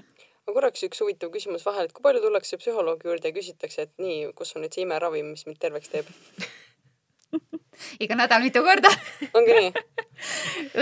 tegelikult see sagedasem väljend, noh, kuna meil on, on ju palju lapsi asutuses, siis meie asutuses sagedasem on see, et tuuakse laps, antakse sulle kabinetti ja öeldakse, tee korda. päriselt? jaa, see sõltub, see kusjuures kehtib ka teiste erialade kohta, mitte ainult psühholoog, olgu see siis kõneprobleem, olgu see mõni muu probleem. kas või õpetajad, saadan koolist, kooli sisse ja tulgu sealt tark, tark ja eeldatakse, et keegi teine lahendab, on ju kõik äh, probleemid ära, et on see see, et mul on vaja, et äh, lapsel tuleks äh, R või, või on mul vaja, et laps oskaks matemaatikat, on mul vaja, et ta oskaks oma emotsioone kontrollida, noh, selle kõik võiks keegi teine korda teha. ja noh, muidugi on see, et, et mitte ükski lahendus ei tule üleöö. Üle ja, ja siis põhi, põhi nagu nii-öelda murekoht või mitte murekoht ka pole õige sõna, et aa, kas ei toimi? me oleme kaks korda teinud, kas ei toimi. et yeah et hästi tihti juhtub seda, et, et kui sa küsid laste, lapsevanematelt, et mida te olete proovinud, ta laob ette võib-olla isegi meeletu koguse mm. igasugu asju, mida nad on kõike proovinud. aga see on ka tegelikult ja, ja kui sa hakkad küsima, et noh, et kaua ja siis ongi noh, kaks päeva see ei toiminud yeah.. no jaa, aga kaks päeva ja see ei toimigi yeah. et, et aju vajab ikkagi seda, et mingi asi on järjepidev. või näiteks ma praegu une osas, veel vaimse tervise osas tuli meelde, et, et hästi sage on see, et öeldakse, et aga et ma olen nagu nädal aega maganud iga päev kaheksa-üheksa tundi, ma olen ikka väsinud. või et ma magan esmaspäevast reedeni äh, Äh, kaheksa tundi ja ma laupäev-pühapäev põhimõtteliselt temaga üldse onju. et ma olen ikka väsinud, aga ma ju enamik aega mhm. magan mm -hmm. nagu nii-öelda kaheksa-üheksa tundi. et noh, mis mõttes on ju ma väsinud olen aga aju vajab seda, et meil on unerežiim mhm. iga päev. aju vajab nagu niisugust režiimi, tuttavat, mingisugust konta-. et see tähendabki, et mm -hmm. iga öö, esmaspäeval, teisipäeval, kolmapäeval, neljapäeval, reedel, laupäeval, pühapäeval on mm -hmm. see kaheksa-üheksa tundi ja noh, muidugi vaata keeruliste olukordadega, kordadega seoses on ju koolimajas ka näiteks, et äh, hästi sage on see, et aga, et vanem ütleb, et aga te ainult räägite. Te ainult räägite, räägite, räägite, noh midagi muud, ainult räägite. noh, siis siinkohal ongi see, et see on ühtne koostöö ja tõepoolest me saamegi rääkida ja, ja see rääkimine jääb meie nii-öelda põhitöö vahendiks et, et seda jah, oleneb, oleneb päevast, aga ka meie töös haridusasutustes koha peal on hästi palju, et eeldatakse nagu plaastrit, aga seda, selle plaastri all see haav nagu veritseb edasi, et Tead, see ei tule nagu kiiresti. on ikkagi neid vanemaid ka, kes nagu päriselt katsetavadki ja, ja katsetavad kauem kui paar päeva või, või nädal aega et aga jah, noh, sagedasti ikkagi juhtub mm -hmm. seda, et äh, eeldatakse, et see asi peaks toimima nagu kohe mm. -hmm. et siis... eks see on selles mõttes arusaadav, et nemad on võib-olla oma murega on ju kaua olnud ja, ja nad tahaksidki juba ruttu lahendust aga siis tuleb võib-olla lihtsalt jah, varem nagu tulla, ma täiesti kujutan ette, et kui juba nii valus on, nii valus, siis tahadki nagu, et ruttu, et sinu jaoks on see probleem nagu olnud, et ei jõua enam kauem, onju. et siin tasub selles mõttes füüsilise tervise probleemiga mm. nagu võrrelda, et mis hetkel sa lähed, äh, ütleme näiteks äh, peavalu, palaviku ja kurguvalu ja nohu osas arsti juurde.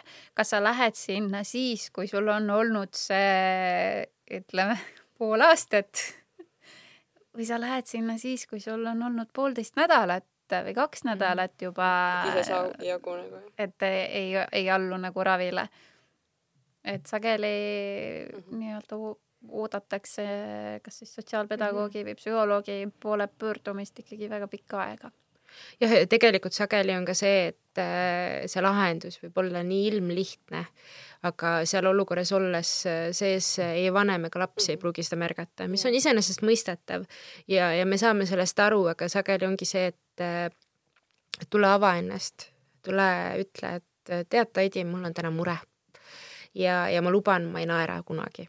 Et, et see on nagu hästi suur roll, mida meie saame nagu ka asutustes kanda ja kui Birgit näiteks käib äh, asutustes kohapeal siis keskusest väljas oma teenust tegemas, siis äh, tegelikult ongi see koht, et äh, et meie nagu räägime alati, et me oleme need inimesed, kellega te saate rääkida, et me oleme need usaldusisikud, et see esmane kontakt ja see peab olema ja mul on hea meel tõdeda, et järjest enam ka meie tööd tehes see usaldus nagu kasvab, et me saame tuttavamaks inimestele, nad saavad aru, et meist on kasu.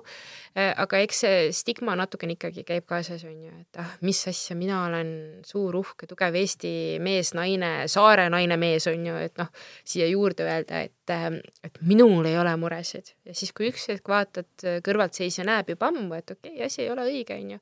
aga et ka inimene peab tahtma seda abi aga äh, ongi, et kui ongi nüüd mure näiteks noh, kui me räägimegi näiteks koolilapsest mm -hmm. või mhm. koolilapse või lasteaialapse vanemast ja ta ei ole näiteks teie nagu teenindus siis piirkonnas, kuhu siis võiks pöörduda? Saaremaa kontekstis. jah, just Saare, Saaremaal äh,. meil õnneks on äh, perearstid, kes on näiteks vaimse tervise -hmm. teemadega üsna kursis, osavamad neist isegi suudavad juba ära teha esmase hindamise mis puudutab emotsionaalset seisundit. Nendel on võimalik siis teraapiafondi raames suunata psühholoogi vastuvõtule Kuressaare haiglas. võib-olla, kui on juba probleem kasvanud väga suureks, siis on inimesel endal võimalik ilma saatekirjata pöörduda psühhiaatri vastuvõtule muidugi seal Kuhu, peab. kuidas siis täpsemalt seda teha? Kuressaare haiglas helistad registratuuri ja sooviks panna psühhiaatrile vastuvõtuaega ja mhm. ongi kõik okay. et lihtsalt seal peab kindlasti arvestama üsna pika järjekorraga mm. -hmm. lisaks on Saaremaal siis äh, selline asutus nagu perenõuandla, kus on psühhiaater ja psühholoog, äh, kuhu siis on ka võimalik pöörduda, siis hetk hetkel veel aasta lõpuni on Saaremaa vallal siis vaimse tervise projekt, mille raames äh, saavad siis äh, Saaremaa elanikud äh, tasuta vaimse tervise nii-öelda teenuseid ja seal all on näiteks ka teenuseid, et kui inimesele nagu üldse ei meeldi rääkida mm, -hmm. et seal on ka selliseid nii-öelda toetavaid teenuseid, kus ei ole vaja väga rääkida -hmm. et seal on loovteraapia, kunstiteraapia, muusikateraapia mm,. hipoteraapia. just, äh, et, äh, et on ka nagu sellised võimalused olemas.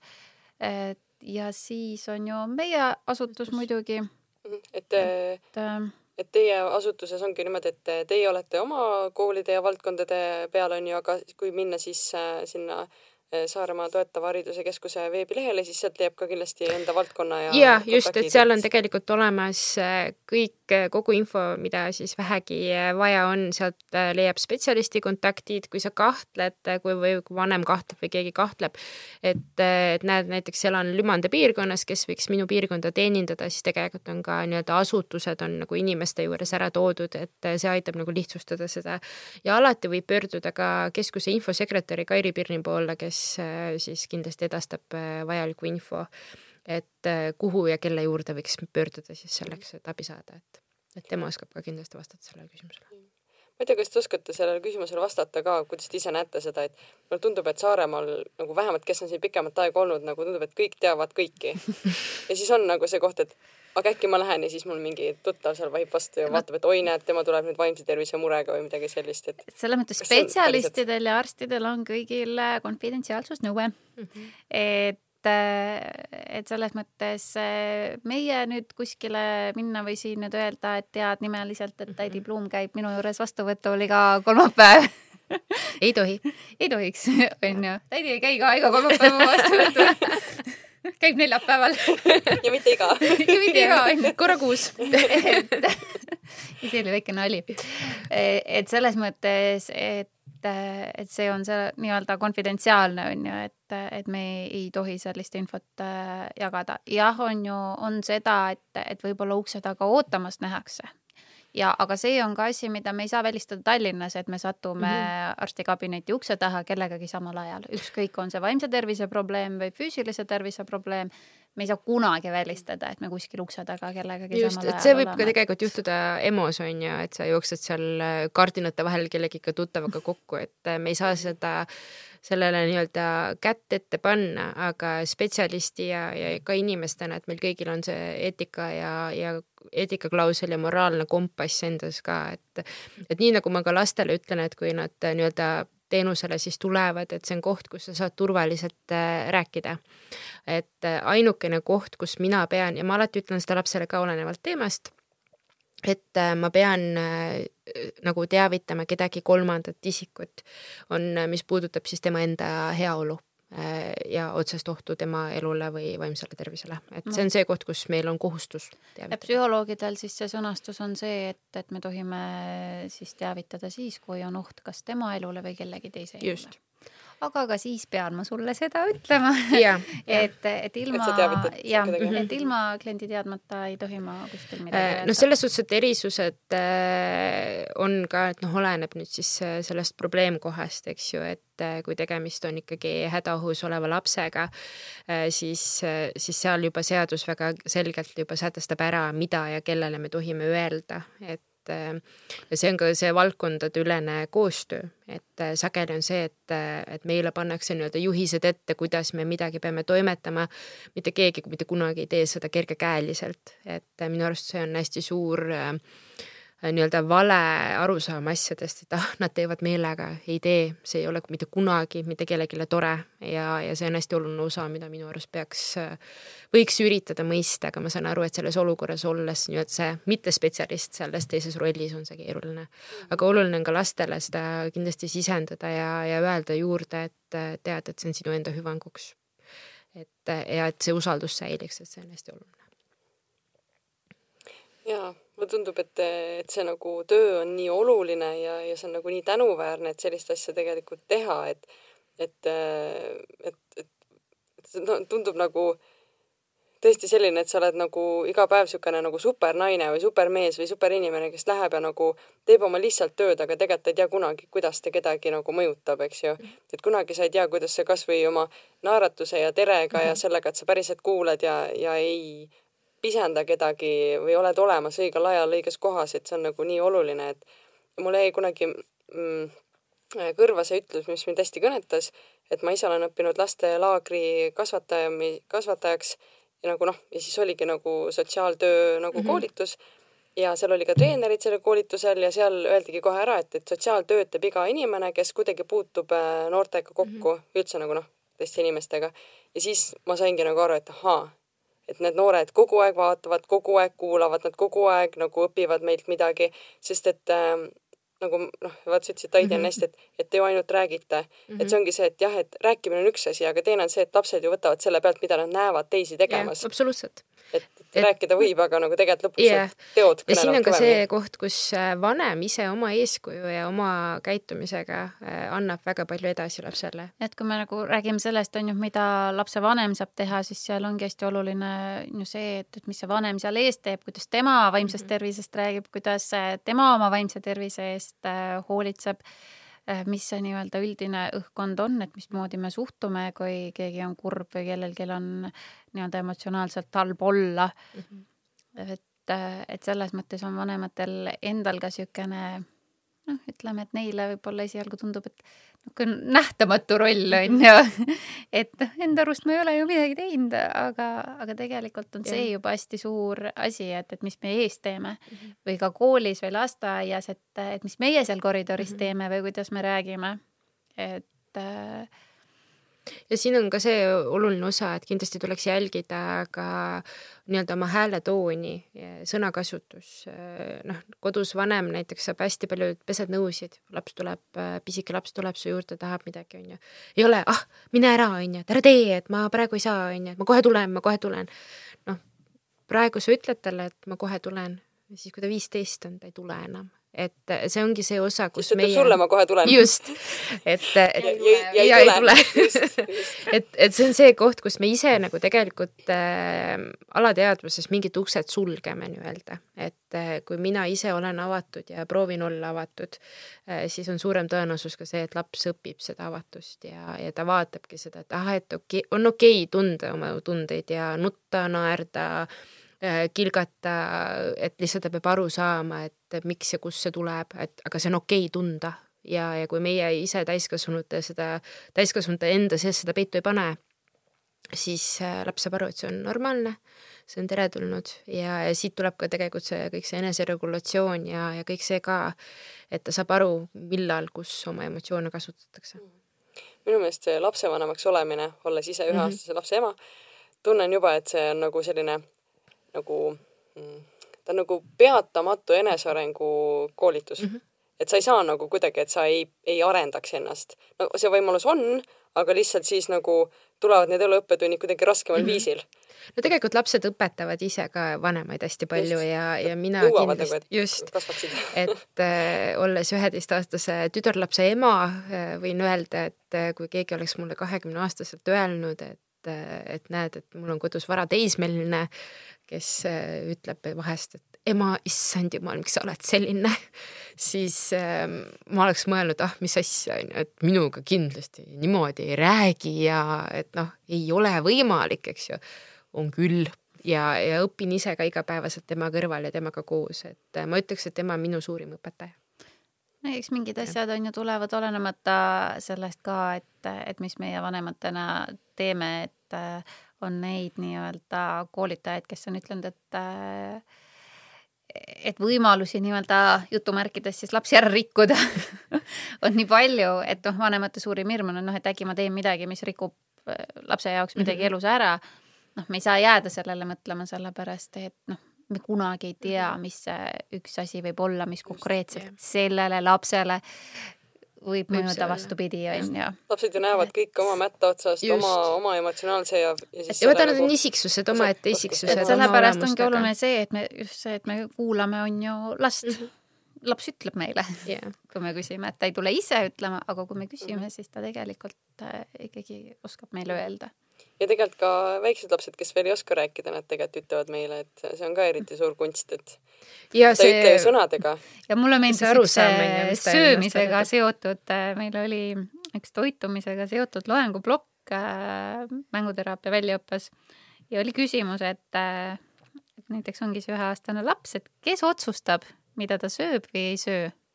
kas sina või tema? Tema tegelikult valib, et äh, kui tal lasta valida, siis ta tegelikult äh, valib hästi. sellega jah, ma võin öelda, et mina aga enam... seal vaata juhtub see, et tema annab, on ju, võib-olla märku, nüüd on see, et kas meie kuulame. just. On ju, kes siis, kes otsustab, on ju, kui mina ikka surun edasi, siis sina hakkad ju otsustama, on ju. et, et ja, ja siis me võib-olla otsustame valesti, et laps, see üheaastane esialgu võib-olla annab märku, et ei, ma ei taha su kapsast, on ju, sest see maitse esialgu on talle võõras aga kui sa annaksid seda talle seesama, et miks me peame olema järjepidev mm, -hmm. kui sa mhm. annad seda talle kümme korda siis ta juba tahab seda mm. -hmm. ja sealt on see, on ju, miks meil tulevad võib-olla lastele söömisprobleemid juurde, et nad ei söö võib-olla tasakaalustatud mm -hmm. toitu, on see, et tegelikult meie vanematena oleme selle algusest peale juba ära võtnud. -hmm. mõtlesime, ah oh,, tal ei maitse. jah, ma annan banaani hoopis, see maitseb ju, selle ah, peale jah. ta teeb kena nägu ju.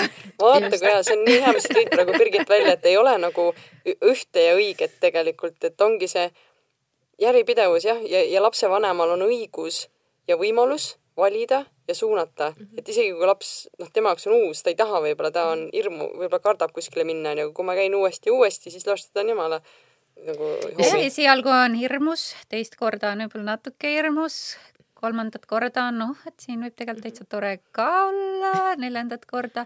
Oh, siin ongi täitsa tore, viiendat korda, et huvitav, mis ma siin enne kartsin ja, ja kuuendat korda noh, juba ongi tegelikult täitsa tore. ja, ja vaata, siin on ka see, et näiteks uudsetes olukordades just see toimetulek, eks ju, et kui äh, vanem seal kõrval ette muretseb, issand, ta läheb nüüd ööseks sinna, issand, see on uus huviring, uus treener, issand jumal, mis nüüd saab lapsed märkavad seda, lapsed väga hästi peegeldavalt äh, vanematelt äh, tundeid ja hoiakuid tagasi ehk siis lapse jaoks võib-olla ei olnudki hirmus, aga ema ju oli nii endast väljas, et ema jaoks oli nii hirmus, minu peab jaoks peab ka hirmus olema yeah., sest ema on ju nii-öelda ilmeksimatu, eks ju. aga nii ongi, ka lapse jaoks ongi ilmeksimatu. oma ema, isa yeah. on alati A ja O. ja kui nende jaoks on hirmus, siis järelikult peab, peab olema hirmus, just. noh, mida väiksem laps, seda noh, rohkem ta selles kinni on yeah,, et ta just. vaatab tegelikult vanema pealt. just, ja ta vaatab füüsiliselt vanema poole, et kui midagi uut on, ma olen märganud, beebi mm -hmm. vaatab minu poole, kuidas mina reageerin, ma mingi näitan, jaa, see on hea ja siis ta mingi oo. Sama nalja on ju olnud nende videotega, et kus laps kukub näiteks. Ja siis ta vaatab vanemale otsa, kuidas vanem nüüd reageerib. Ja vastavalt sellele tuleb see, kas ta nüüd hakkab nutma või ta ei hakka nutma. et kui vanem naeratab ja ütleb, et noh, kukkusid, kõik on hästi, jah. Ja laps naeratab, tõuseb püsti yeah. ja kui vanem läheb, et issand, mis nüüd juhtus, kui sa said väga õiget appi, mis nüüd saab? jah, sa nagu avad selle nagu Pandora laeka. laps nudab, onju. et, et selles mõttes äh.... aga kui tal on vaja nutta, vaata, see on ka seesama, et kui tal ongi vaja nutta, kui tal on valus, siis ei saa ka öelda, et oi, näed, kõik on hästi, onju. et see on ka see koht, koht, kus nagu jäädakse see on see tunnetamise et... piir. et saab, onju, neutraalselt, et mulle meeldib see, et, et me peegeldame lapsele tema käitumist ja, ja seda, mis me arvame, et tema võib tunda, et ma peegeldan peegeldangi, et sa kukkusid. -hmm. No, kukkusid, sa said haiget Ja. ja siis vaatan, mis juhtub. ja, ja vaata, see on ka see, et kui imi, ja, et kui imikutel tegelikult ju vanem eristab väga ruttu ära, mis miski nutt on, siis tegelikult on ka väikelapsega ja, ja noorukiga, et noh, need kõik tulevad ju kuskilt ja, ja see ongi see, et mida me vanematena ise ära saame teha, on see, et, et ei hüppa pea ees tulle, et korra seedi ka, et kas ikka on tuli seal olemas või ei ole. et see õpetab ka lapsele seda enese nii-öelda toimetulekut, on ju, et noh, just, no siis suurema lapsega muidugi, et imik on veel nii väike, et tema, tema ei tule seal midagi toime, tema tuleb sellest toime, kuidas sina teda aitad ja hoolitsed, on ju, tema eest. aga, aga samamoodi see läheduse vajadus, on ju, tuleb sellest. Mhm. ehk et, eh, ehk et sa võib-olla ise ei reageeri kohe, vaid sa nagu, ma ei tea, mis inglise keeles on, inglise keeles on parem nagu react and response, vaata yeah,, et sa ei just. reageeri, vaid sa nagu vastad sellele kuidagi, kuidas nagu.... hästi palju äh, tänapäeval kasutatakse seda ütlust ka, et erinevatel koolitustel on ka see olnud, et äh, sul ei ole mõtet siis rääkida, kui katus põleb ehk siis. siis tuleb tegutseda, onju. Äh, noh, selles suhtes, et äh, või noh, jah, et või siis see ütlus, et ähm, tuli põleb, aga kodus ei ole kedagi. ehk siis, kui ta tegelikult emotsionaalselt ei ole sinuga seal lainel, ta ei ole, just, ta ei saa sinuga, sa võid rääkida, onju, aga kui ma olen nii endast väljas, täiesti tühjadele kõrvadele, just. kuskil see Äh, nii-öelda ressurss on kuskile mujale läinud yeah, vaata kehas yeah.. ja see on äh, täiesti, see kehtib igas olukorras ja see kehtib ka täiskasvanute puhul, et, äh, et olukorda lahendada sa ei saa siis, kui katus põleb. ehk siis seda, kui see inimene ei ole valmis tollel hetkel seda lahendust või, või sind ära kuulama, et ta tahabki su peale näiteks südamest röökida, ennast välja elada, see on tema jaoks tolleaegne lahendus sina ei saa sellest mitte midagi. aga et võib-olla mõtled, et millega ma selle ära teenisin, onju, aga, aga tema jaoks ta ei ole ka valmis seda, et kuule, ära täna röögi, ära praegu röögi, võta rahulikult, onju. et eh, tal ei ole seda kohta, sest tema aju ei suuda seda too hetk vastu võtta et kui me võtame on ju ka nii-öelda lapsed lasteaias, siis hästi tihti eeldatakse, et on ju, et laps läks äh, seal nii-öelda lasteaias äh, endast välja, on ju, ta röögib, ta nutab ja siis hakatakse seletama, et Äh, mis nii-öelda juhtus ja, ja mis ta kõik mhm. valesti tegi ja. ja küsima, mis juhtus. mul on sellest trauma. et äh, aga laps ei suuda muud teha, kui sellel hetkel nutta ja röökida ja siis tahetakse võib-olla seal veel õpetada, on ju, kuidas nüüd maha rahuneda tegelikult sa ju sellel hetkel ei võta seal mitte midagi vastu, et lasta seal lapsel olla, et ta rahuneb maha ja alles siis me saame rääkida sellest, et mis, mis juhtus, juhtus., kuidas juhtus, kuidas saaks rahuneda või mida veel saaks teha, on ju. jah, ja selles olukorras on ka täiskasvanul hästi oluline meeles pidada, et et kui sa küsid näiteks olukorra selgitust pärast siis, kui see olukord on olnud, kuidas sa ei mäleta? Kuidas sa ei tea, mis juhtus, me ju rääkisime. sellest, eks ju. et noh, eks see tänitamine ja see selline pisut äh, süüdistav hoiak on ju, et või kuidas sa ei mäleta, aga tema tol hetkel ei mäletagi. ta on äh, omadega kodust ära nii-öelda, et tema aju on äh, muude protsessidega hõivatud, ta ei mäletagi ta ja see on täiesti okei okay, tegelikult et lihtsalt see olukord tuleb noh, hiljem siis nagu. seal võib olla ka see, et puhtalt äh, nii-öelda füüsiliselt ei olnud tal võimalik mitte midagi kuulda, sellepärast et ta nuttis ja, ja röökis. ja sealt no. ei saagi mäletada seda. mida ta sealt siis mäletab just aga siin äh, ma tahangi võib-olla selle asja nüüd ilusti kokku võtta sellega, et, et hästi oluline on õppida. et mida rohkem me mõistame või nagu mida rohkem mm -hmm. me mhm. nagu oleme lugenud, kuulanud koolitustel käinud, seda nagu mõistvamad saame olla, seda nagu rohkem me saame aru, miks keegi midagi teeb, miks ma ise midagi teen ja kuidas ma käitun ja siis äh, ja siis sellest nagu tekib hästi palju empaatiat mm, -hmm. et mhm. mina noh, kui ma ka kui beebi oli väike ja siis ma lugesin ka luge-, nutmise kohta hästi palju ja ma saingi nagu nagu sellest nutufüsioloogiast, sellest kõigest nagu aru, et miks inim-, miks nagu lapsevanemad lähevad närvi selle peale mm, -hmm. kui nutatakse, onju, et noh, sellest on nagu kirjutatud palju ja siis ma saingi nagu palju rohkem empaatiat.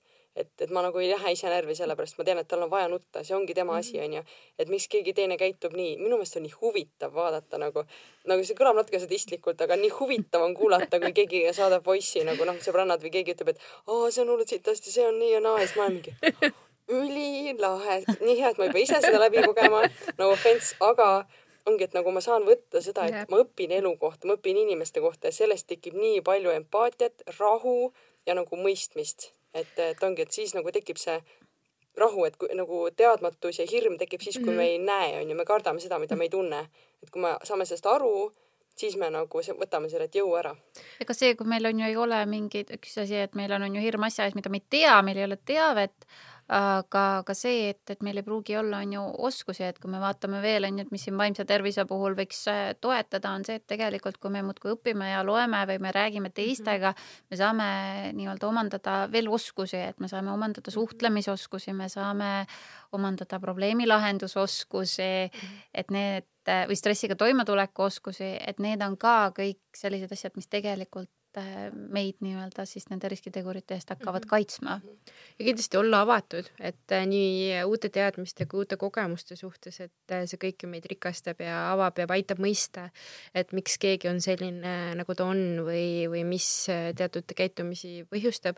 et kui me ise oleme nagu hästi empaatilised, nagu sa ütlesid, ja, ja avatud meelega, siis ma usun, et on ka kergem kõige muuga toime tulla mm. -hmm. et, et sageli me võtame nii-öelda äh, enda mured ainult äh, enda sihiks, et äh, või noh, eesmärgiks, et need on minu asjad, et mul ei ole vaja teisi, aga samamoodi nagu sina ei taha, et keegi sind mõistaks, siis ei pruugi teised äh, sina ka teisi mõista mm. -hmm. ja vastupidi, et kui sina nagu teisi, teised ära ignoreerid, siis on nagu võib-olla nagu raskem noh, kuidagi jõuda sinna, et mina lähen ise abi paluma mm -hmm. või siis nagu oodata, et teised mind nagu mõistavad. aga räägi, Birgit, sul on tahedad äh, brošüürid, raamatud ka siin laua peal, räägi, mis need on? Need äh, on sinu jaoks kaasas oh,. Need on sinule.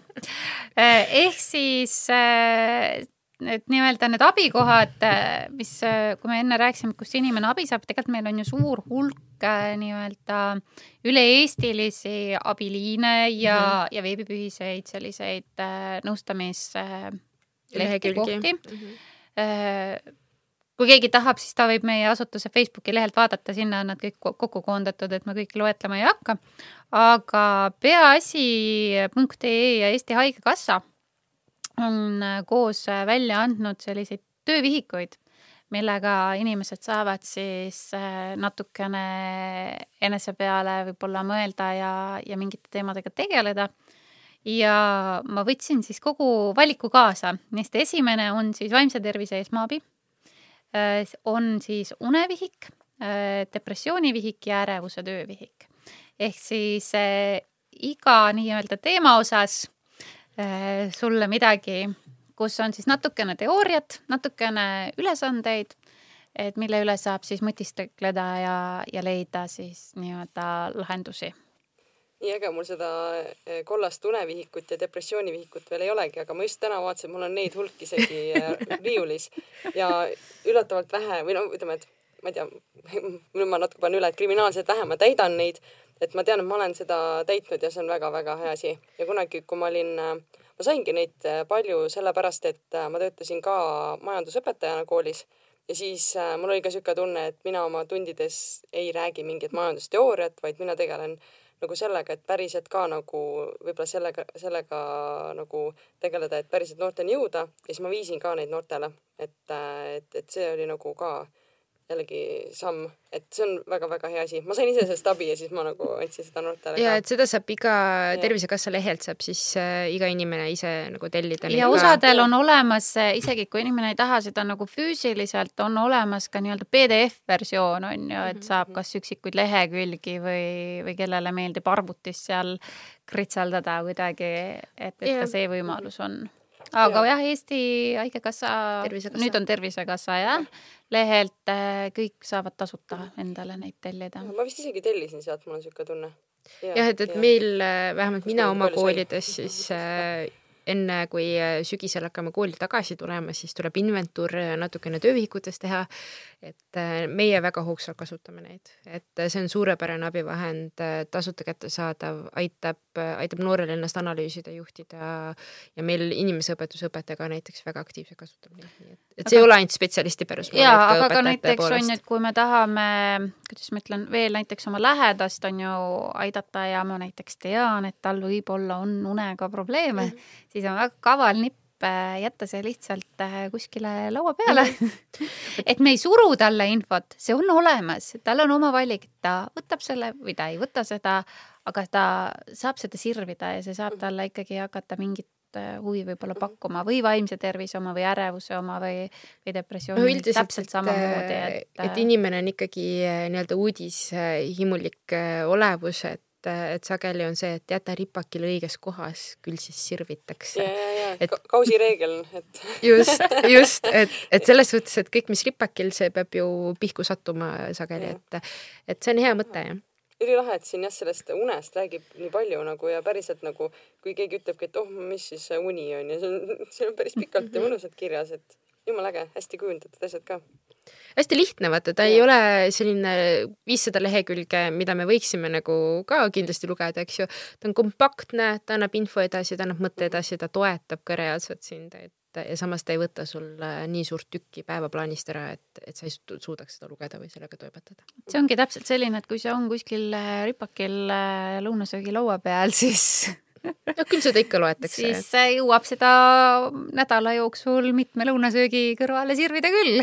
just, just, et mulle hullult meeldis see, et, et see konstantsus ja järjepidevus ja nagu kordus, et see nagu on oluline. et mm -hmm. ja hästi äge vestlus on olnud, et, et meil on juba üle pooleteise tunni siin räägitud ja nagu ülihea sisu selles mõttes, et äh, väga-väga mõtlemapanev, väga praktiline, väga tore, et te tulite.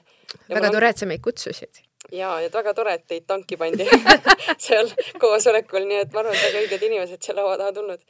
küsin teilt kolm viimast küsimust ka, et ähm, mm, ja siis, ja siis see neljas kõige raskem, mis te ütlesite. nii, esimene, et mida sa tahaksid oma elus veel vaimse tervise kohta teada saada? Näiteks teeme, et veidi esene, siis pikalt oh,. ma mõtlesin sellele küsimusele eile väga pikalt ja, ja siis äh, ma arvan, et äh, et nii palju, kui on erinevaid äh, lahendusi ja teraapiaid juba praegu äh, loodud äh, nii-öelda lastele, siis pigem just seda, et kuidas ennetada veel rohkem äh, neid erinevaid probleeme, mis nii-öelda ühiskonna arenguga kaasas käivad. et, äh, et sellist ühtset vastust mul kahjuks ei ole, see küsimus jäi minu peas ka nii-öelda lahtiseks et aga ma arvan just seda, et kuidas seda ennetusvaldkonda tõhustada ja, ja et see tõhustus ka nii-öelda inimesteni jõuaks ja kättesaadavamaks asi muutuks. minu arust ka mõtlesin, see selles mõttes keeruline küsimus, et nii-öelda äh, valdkonna inimesena. Et, et mis ma võiks siis teada, et äh, aga noh, kuna meie nii-öelda tähelepanu on niisugune valikuline, et noh, mine sa tea, mis kuskilt äh, kõrvu võib äh, jääda ja mida hetkel võib-olla meeles või teadmistes ei ole, et täna ma juba korra sellise olukorraga kokku puutusin, et kui tuli neid äh, küsimusi ja teemasid natukene ja seal oli küsimus, et mis ajast siis see nii-öelda vaimse, vaimne tervis nii-öelda eraldi valdkond on ja ma natukene isegi pidin guugeldama, sest ma tahtsin mõnda asja veel teada saada. et sain ka ehk siis meil jäi see vist jagamata.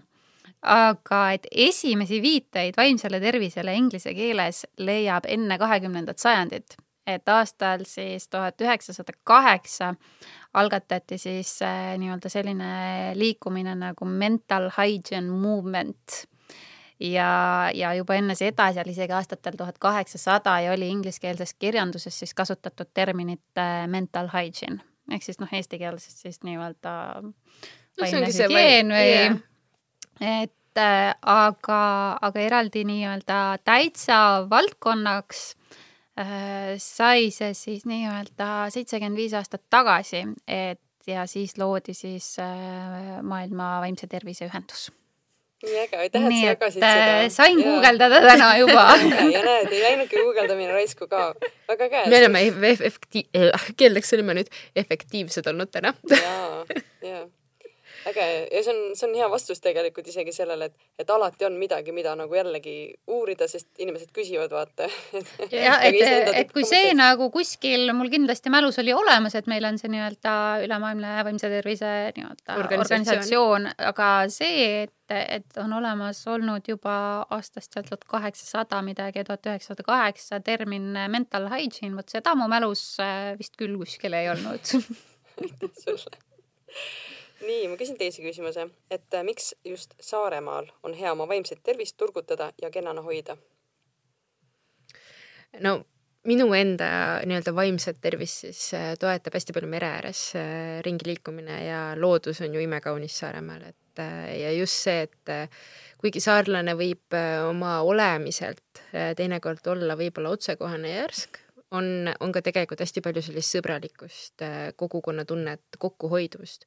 et äh, seda ma saan küll mandri inimesena siis öelda, ise hakanud saarlasena, et äh, et tegelikult Saaremaal ongi mõnus, tahad, täna oled linnas, kaks minutit hiljem oled juba metsas, ma ei tea, põllu ääres on ju, vaatad hirvega tõtt, et ühesõnaga see loodus ja kõik see nagu toetab hästi palju, et see keskkond ise, et siin sa nagu kulged et minu arust kõige parem äh, näide on liiklusest samamoodi, et kui Tallinnas on äh, tipptund tipptunni järel, siis äh, Kuressaares on tipptund Tooma poe ringil tavaliselt hommikul kell kaheksa, kui lapsevanemad igas suunas liiguvad oma lastega. et siis see minut aega tundub, oh issand, jälle ummik on ju.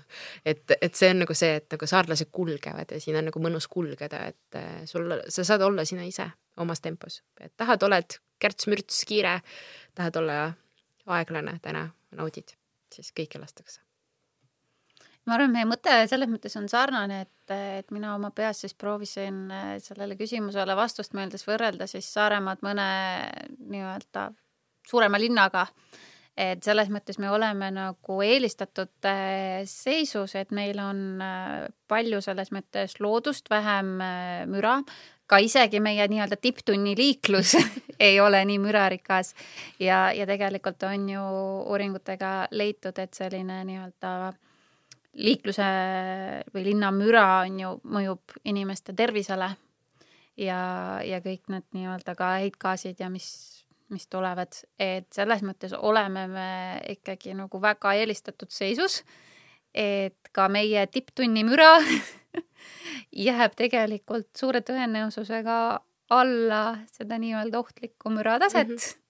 et, et meil selles mõttes on nii-öelda väga head võimalused minna ja olla looduses ja liikuda ja, ja meil ei ole nii-öelda vähemalt siis ühte sellist ohutegurit nii suurelt väga äge ja väga head pointid ja kolmas, et mis on sinu meelest parim viis oma mõtlemise aeglustamiseks, et, et nagu elluruumi tegumiseks hmm.? mõtlemise aeglustamiseks äh, noh, oleneb, on ju inimesest, et äh, ma arvan, et äh, minu puhul noh, nagu ma siin ennem ka välja tõin, et suure tõenäosusega diagnoosimata ATH on ju, et mul see mõte virvarr toimib äh, juba mu olemuselt ja natuurilt äh, nagu sada viiskümmend pööret äh, minutis, ma suudan korra siin, korra seal olla. Siis noh, minul on ikkagi see, et ma pean leidma selle tegevuse, mida ma tahan teha.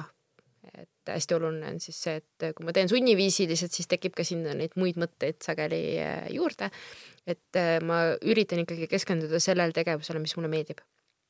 ja siis üldiselt äh, kaovad need muud mõtted ka ära, aga väga palju aitab ka näiteks panen klapid pähe, muusika üürgama ja lähen jalutan.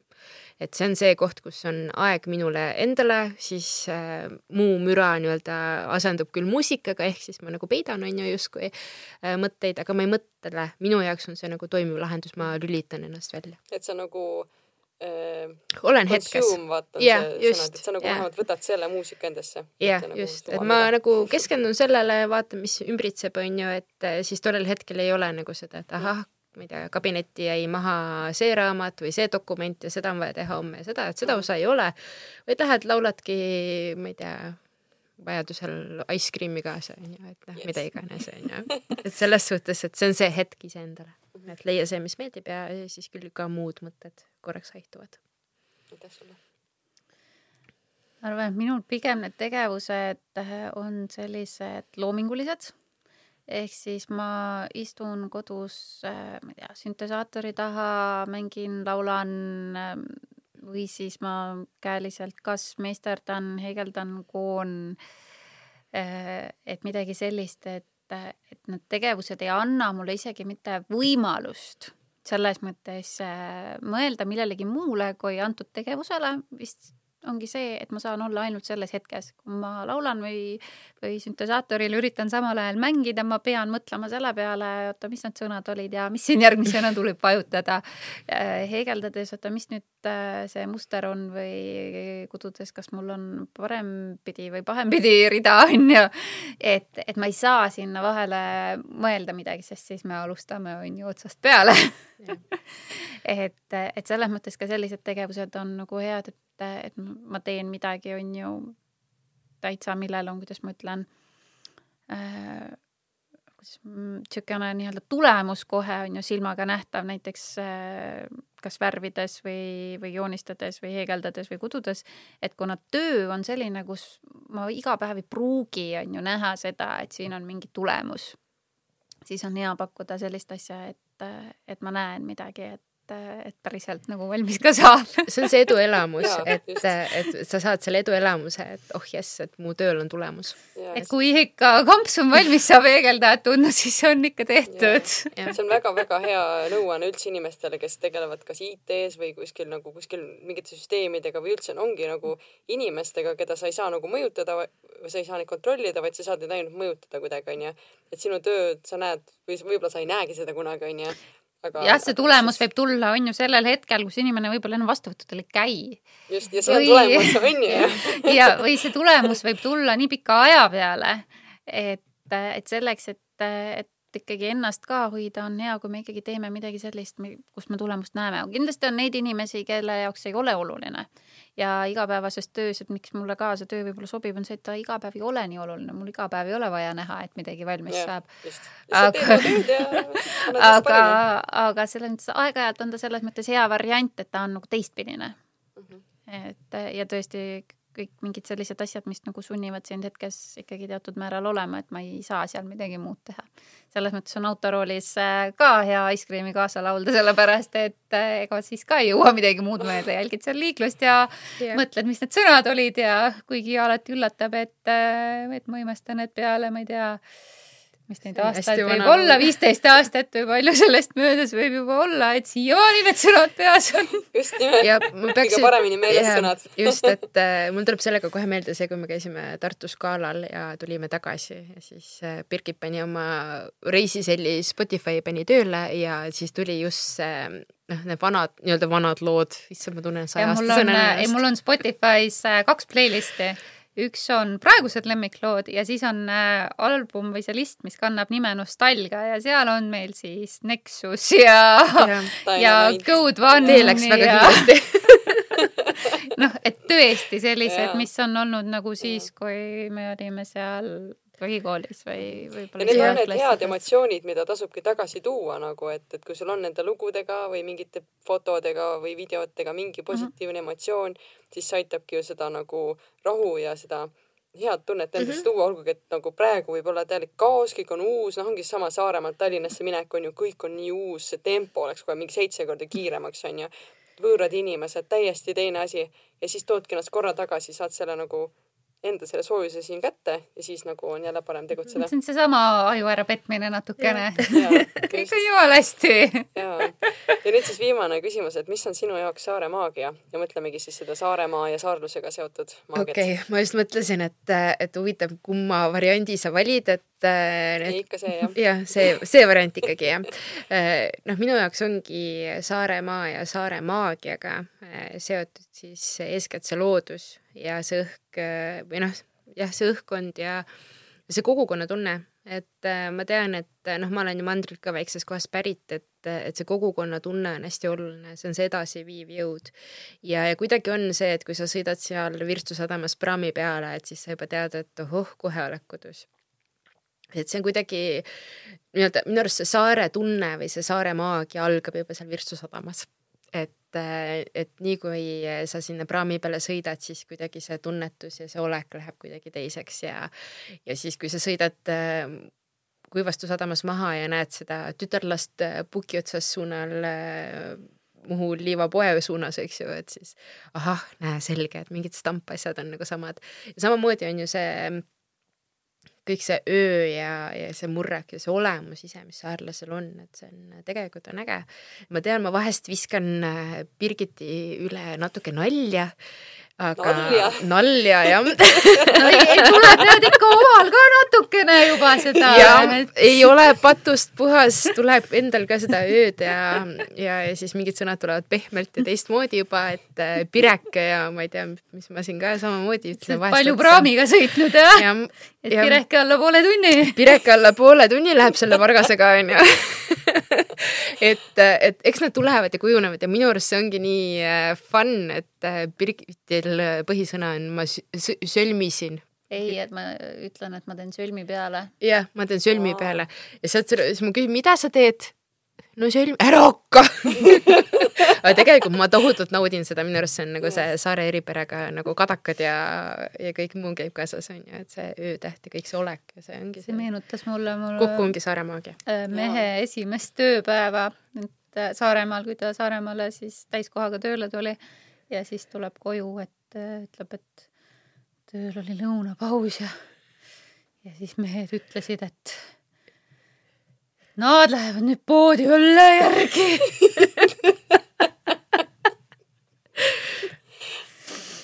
ja et, ja et ikka täitsa õudne on seal tööl olla, sest no seal on nagu saare mehed, kes noh, ongi täitsa põlised yeah. saare mehed onju. ja, ja vot, vot seda murrakut annab seal kuulata et noh, minu arust on see hästi äge, et äh, meie töös ka, et vahepeal äh, teinekord on see, et peab kolmas silm üle lugema, et oot-oot-oot, et on see öö, on see õõ, et noh, mul õnneks nii hullusti ei ole, ma ikkagi üldiselt eristan ära, aga mul on ka olnud olukordi, kus ma kirjutangi või ütlen näiteks noh, kõnes on ju, et ma olen see ja see ja tuleb see saare murrak natuke sisse, ma ei ole saarlane. ma olen ise hakanud saarlane äh,, aga et noh, siis on ka see, et sa oled Saaremaalt pärit noh, tegelikult ei ole, on ju, et tore, et ma ära petan, aga mm., aga jah, et see on nagu hästi äge, et seda peab ka jälgima mm. aega, et. no mina ikka pean laskma sagedasti üle lugeda mm -hmm. ja need, kes minuga igapäevaselt eh, nii-öelda sõbrad-tuttavad Facebookis suhtlevad, siis võib silma jääda, et eh, minul loogaga õõtsal ei eksisteerigi mm kõik on ühtlaselt näppidega. ka vahel ikka näpp läheb sest ma ei viitsi ja. mõelda, et mis seal peab olema, kõik läheb ühtemoodi, on kuidas on.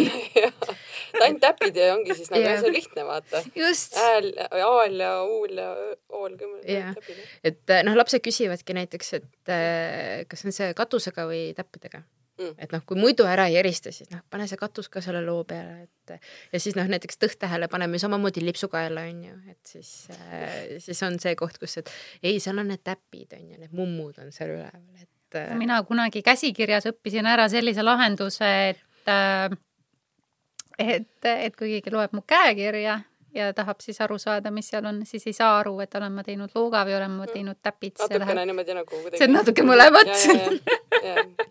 ma saan vist aru, ma teen vist sarnaselt jah. aga mis sinu jaoks on Birgit see Saaremaa? et ma proovisin natukene mõelda sellele nii-öelda vaimse tervise siis nii-öelda kontekstis ja, ja kindlasti ma arvan, siin üks osa on ikkagi see nii-öelda füüsiline keskkond, et, et see meri ja mets ja, ja kindlasti see, et, et see on ka nii-öelda kesklinnale nii lähedal. et selles mõttes sa ei pea omama mingit äh, autot või transpordivahendit selleks, et minna loodusesse, et kui me võtame näiteks Loodetammiku, siis linna piirilt on see võib-olla kolm-neli kilomeetrit äkki. jah. et, et, et mitte on ju rohkem ja, ja sa juba oled looduses ja sa juba saad liikuda. Äh, ja, ja teine see mõte, et see on läbi käinud, see nii-öelda kogukond on ju, et kõik tunnevad kõiki. et, et seal on, on ju see, et, et see võib olla keeruline, aga ma jäin nagu mõtlema, et kui seda, kuidas ma ütlen, õigesti ära kasutada et, et me päriselt oleme üksteise suhtes märkavad ja, ja toetavad, siis tegelikult võib see olla nagu omaette selline nii-öelda maagiline et, et minule selles mõttes oma töö kontekstis väga on meeldinud see, et kui mul on olnud noor, kes räägib, et ta on sotsiaalselt ärev ja ta ei käi ühelgi väliüritusel ja ma näen teda lossihoovis kontserdil siis on ikka maagiline küll. Et ja see on asi, mis ju tegelikult suure tõenäosusega Tallinnas, ma ei tea, lauluväljakul mul võib-olla ei jääks silma sest see on tunduvalt suurem, tal on tunduvalt suurem tõenäosus sinna ära kaduda kui, kui lossihoovis. no see on. kui me ikkagi õigesti nagu kasutaks just, oma just. kogukonda, et, et siis see tegelikult võiks olla väga selline nii-öelda maagiline ja kokkuhoidev äh, koht jah, ma tahtsin siia veel selle näite tuua näiteks, et äh, noh, Tallinna põhjal on ju, et, et sageli sa ei tunne, kes su naaber on aga et äh, Saaremaal elades äh, tegelikult on äge, kui palju sind äh, naaber saab aidata ja sina naabrit. ehk siis ongi see, et see kogukonna tunnetus algab meist endast. et ole avatud ja. tõsi on, tõsi on, ma ka Tallinnas tundsin seda anonüümsust hästi palju ja see anonüümsus on lausa noh, tekitab natukene ikkagi siukest ebaturvalisust, et, et et ikka, kui sa tead inimesi. no vahest on, tore ka, et noh, ütleme niimoodi, et ja, vahest tahaks. vahest tahaks, teinekord tahaks minna banaanipoodi ostma niimoodi, et jookse vanematega kokku näiteks onju või noh, aga, aga samas tegelikult on ka tore. ma arvan, et meie võib-olla harjume spetsialisti vaatest ära. rutem on ju ära, et, et meil on palju nagu inimesi, kes me, meid võivad ära tunda, et kui ma loen kokku inimesed, kes mu juures se pea seitsme aasta jooksul läbi on käinud lisaks võib-olla pereliikmed, kes ukse taga on olnud, siis me tegelikult räägime mitmest mhm. tuhandest inimesest. et Äh, et aga ma arvan, et äh, mul näiteks mehele on küll harjumatu, et kui me kuskile lähme, siis ma ikka aeg-ajalt ütlen, et palun ole viisakas, sellepärast et no mine sa tea, onju. ja aga tema jaoks on see, et tal on täiesti ükskõik, mida keegi kuskil vaatab ja arvab, suurest linnast tulnud, lähen oma töölt tulnud mustade katkiste pükstega, täitsa ükskõik. ja, ja vaata, see on ka see, et kui lähedased on kaasas, onju, et aa, sa tead teda või sa ütlesid talle tere, onju. jah, et noh, siis ongi vahest ongi see, et sa jõuad selle noh, Auriga keskuses siis öeldi seal äh, ühe poetiiru peal seitse korda tere ja siis alati on, sa tead teda või? sa tead teda või? kes see oli? tõepoolest, jah Õnneks minul on äh, mees harjunud, et mina teretan väga palju et see on hästi oluline asi. et äh, aga noh, see ongi on ju, et kuidas me seda ikkagi ära kasutame, et, et me siin väga suuresti paljusid inimesi teame või, või me teame kedagi, kes teab kedagi, on ju. Mhm. et et, et kui me seda õigesti ära kasutame ja me oskame märgata ja, ja toetada, siis tegelikult äh, võiks meil olla niisugune väikene saareke, kus meil on väga vähe murekohti inimestel. aitäh teile, nii äge on olnud. mul on teile ka kingitus äh,. sellised vahvad äh, Saaremaa ja kotikesed oh. ja need sädelevad, need on vot Birgit, roosat ei ole sa võid mulle anda.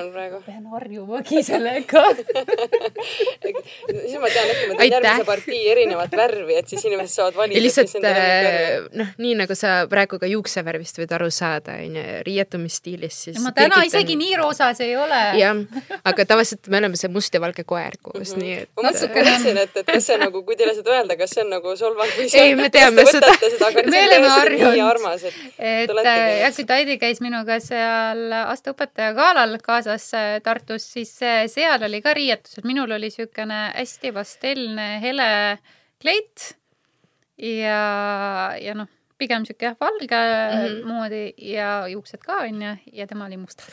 just, et äge kontrast. Äh, meil kuidagi jah, see käib, et noh, mina tunnen nagu ennast äh, ebamugavalt onju, Birgit naudib seda täiega, siis igaüks jääb oma liistude juurde. et, äh, et just, et see on selle säramise puhul ka, et kui Birgit on noh, võrdlemisi ütleme siis nagu nii-öelda ekstravertne pigem, siis mina olen introvertne, et praegu küll võib-olla ei jää sellist muljet, ma räägin kohutavalt palju, aga, aga jah, me täiendame üksteist mm -hmm. väga hästi. aga ega, aga ega ekstra või see introvert ei, ei, ei, ei tohi, ei peagi olema alati kuss tegelikult inimestes on äh, mõlemad. just, just., mida sa kus olukorras on ju ja, jah, et mis olukord on ja, ja kui palju meis äh, midagi on. just. täna tuli see nagu väga, väga kasuks, et sa rääkisid, aitäh. aga olgu, aitäh teile ja mõnusat õhtu jätku ja sulle ka ja aitäh kutsumast ja, ja kindlasti väga äge kogemus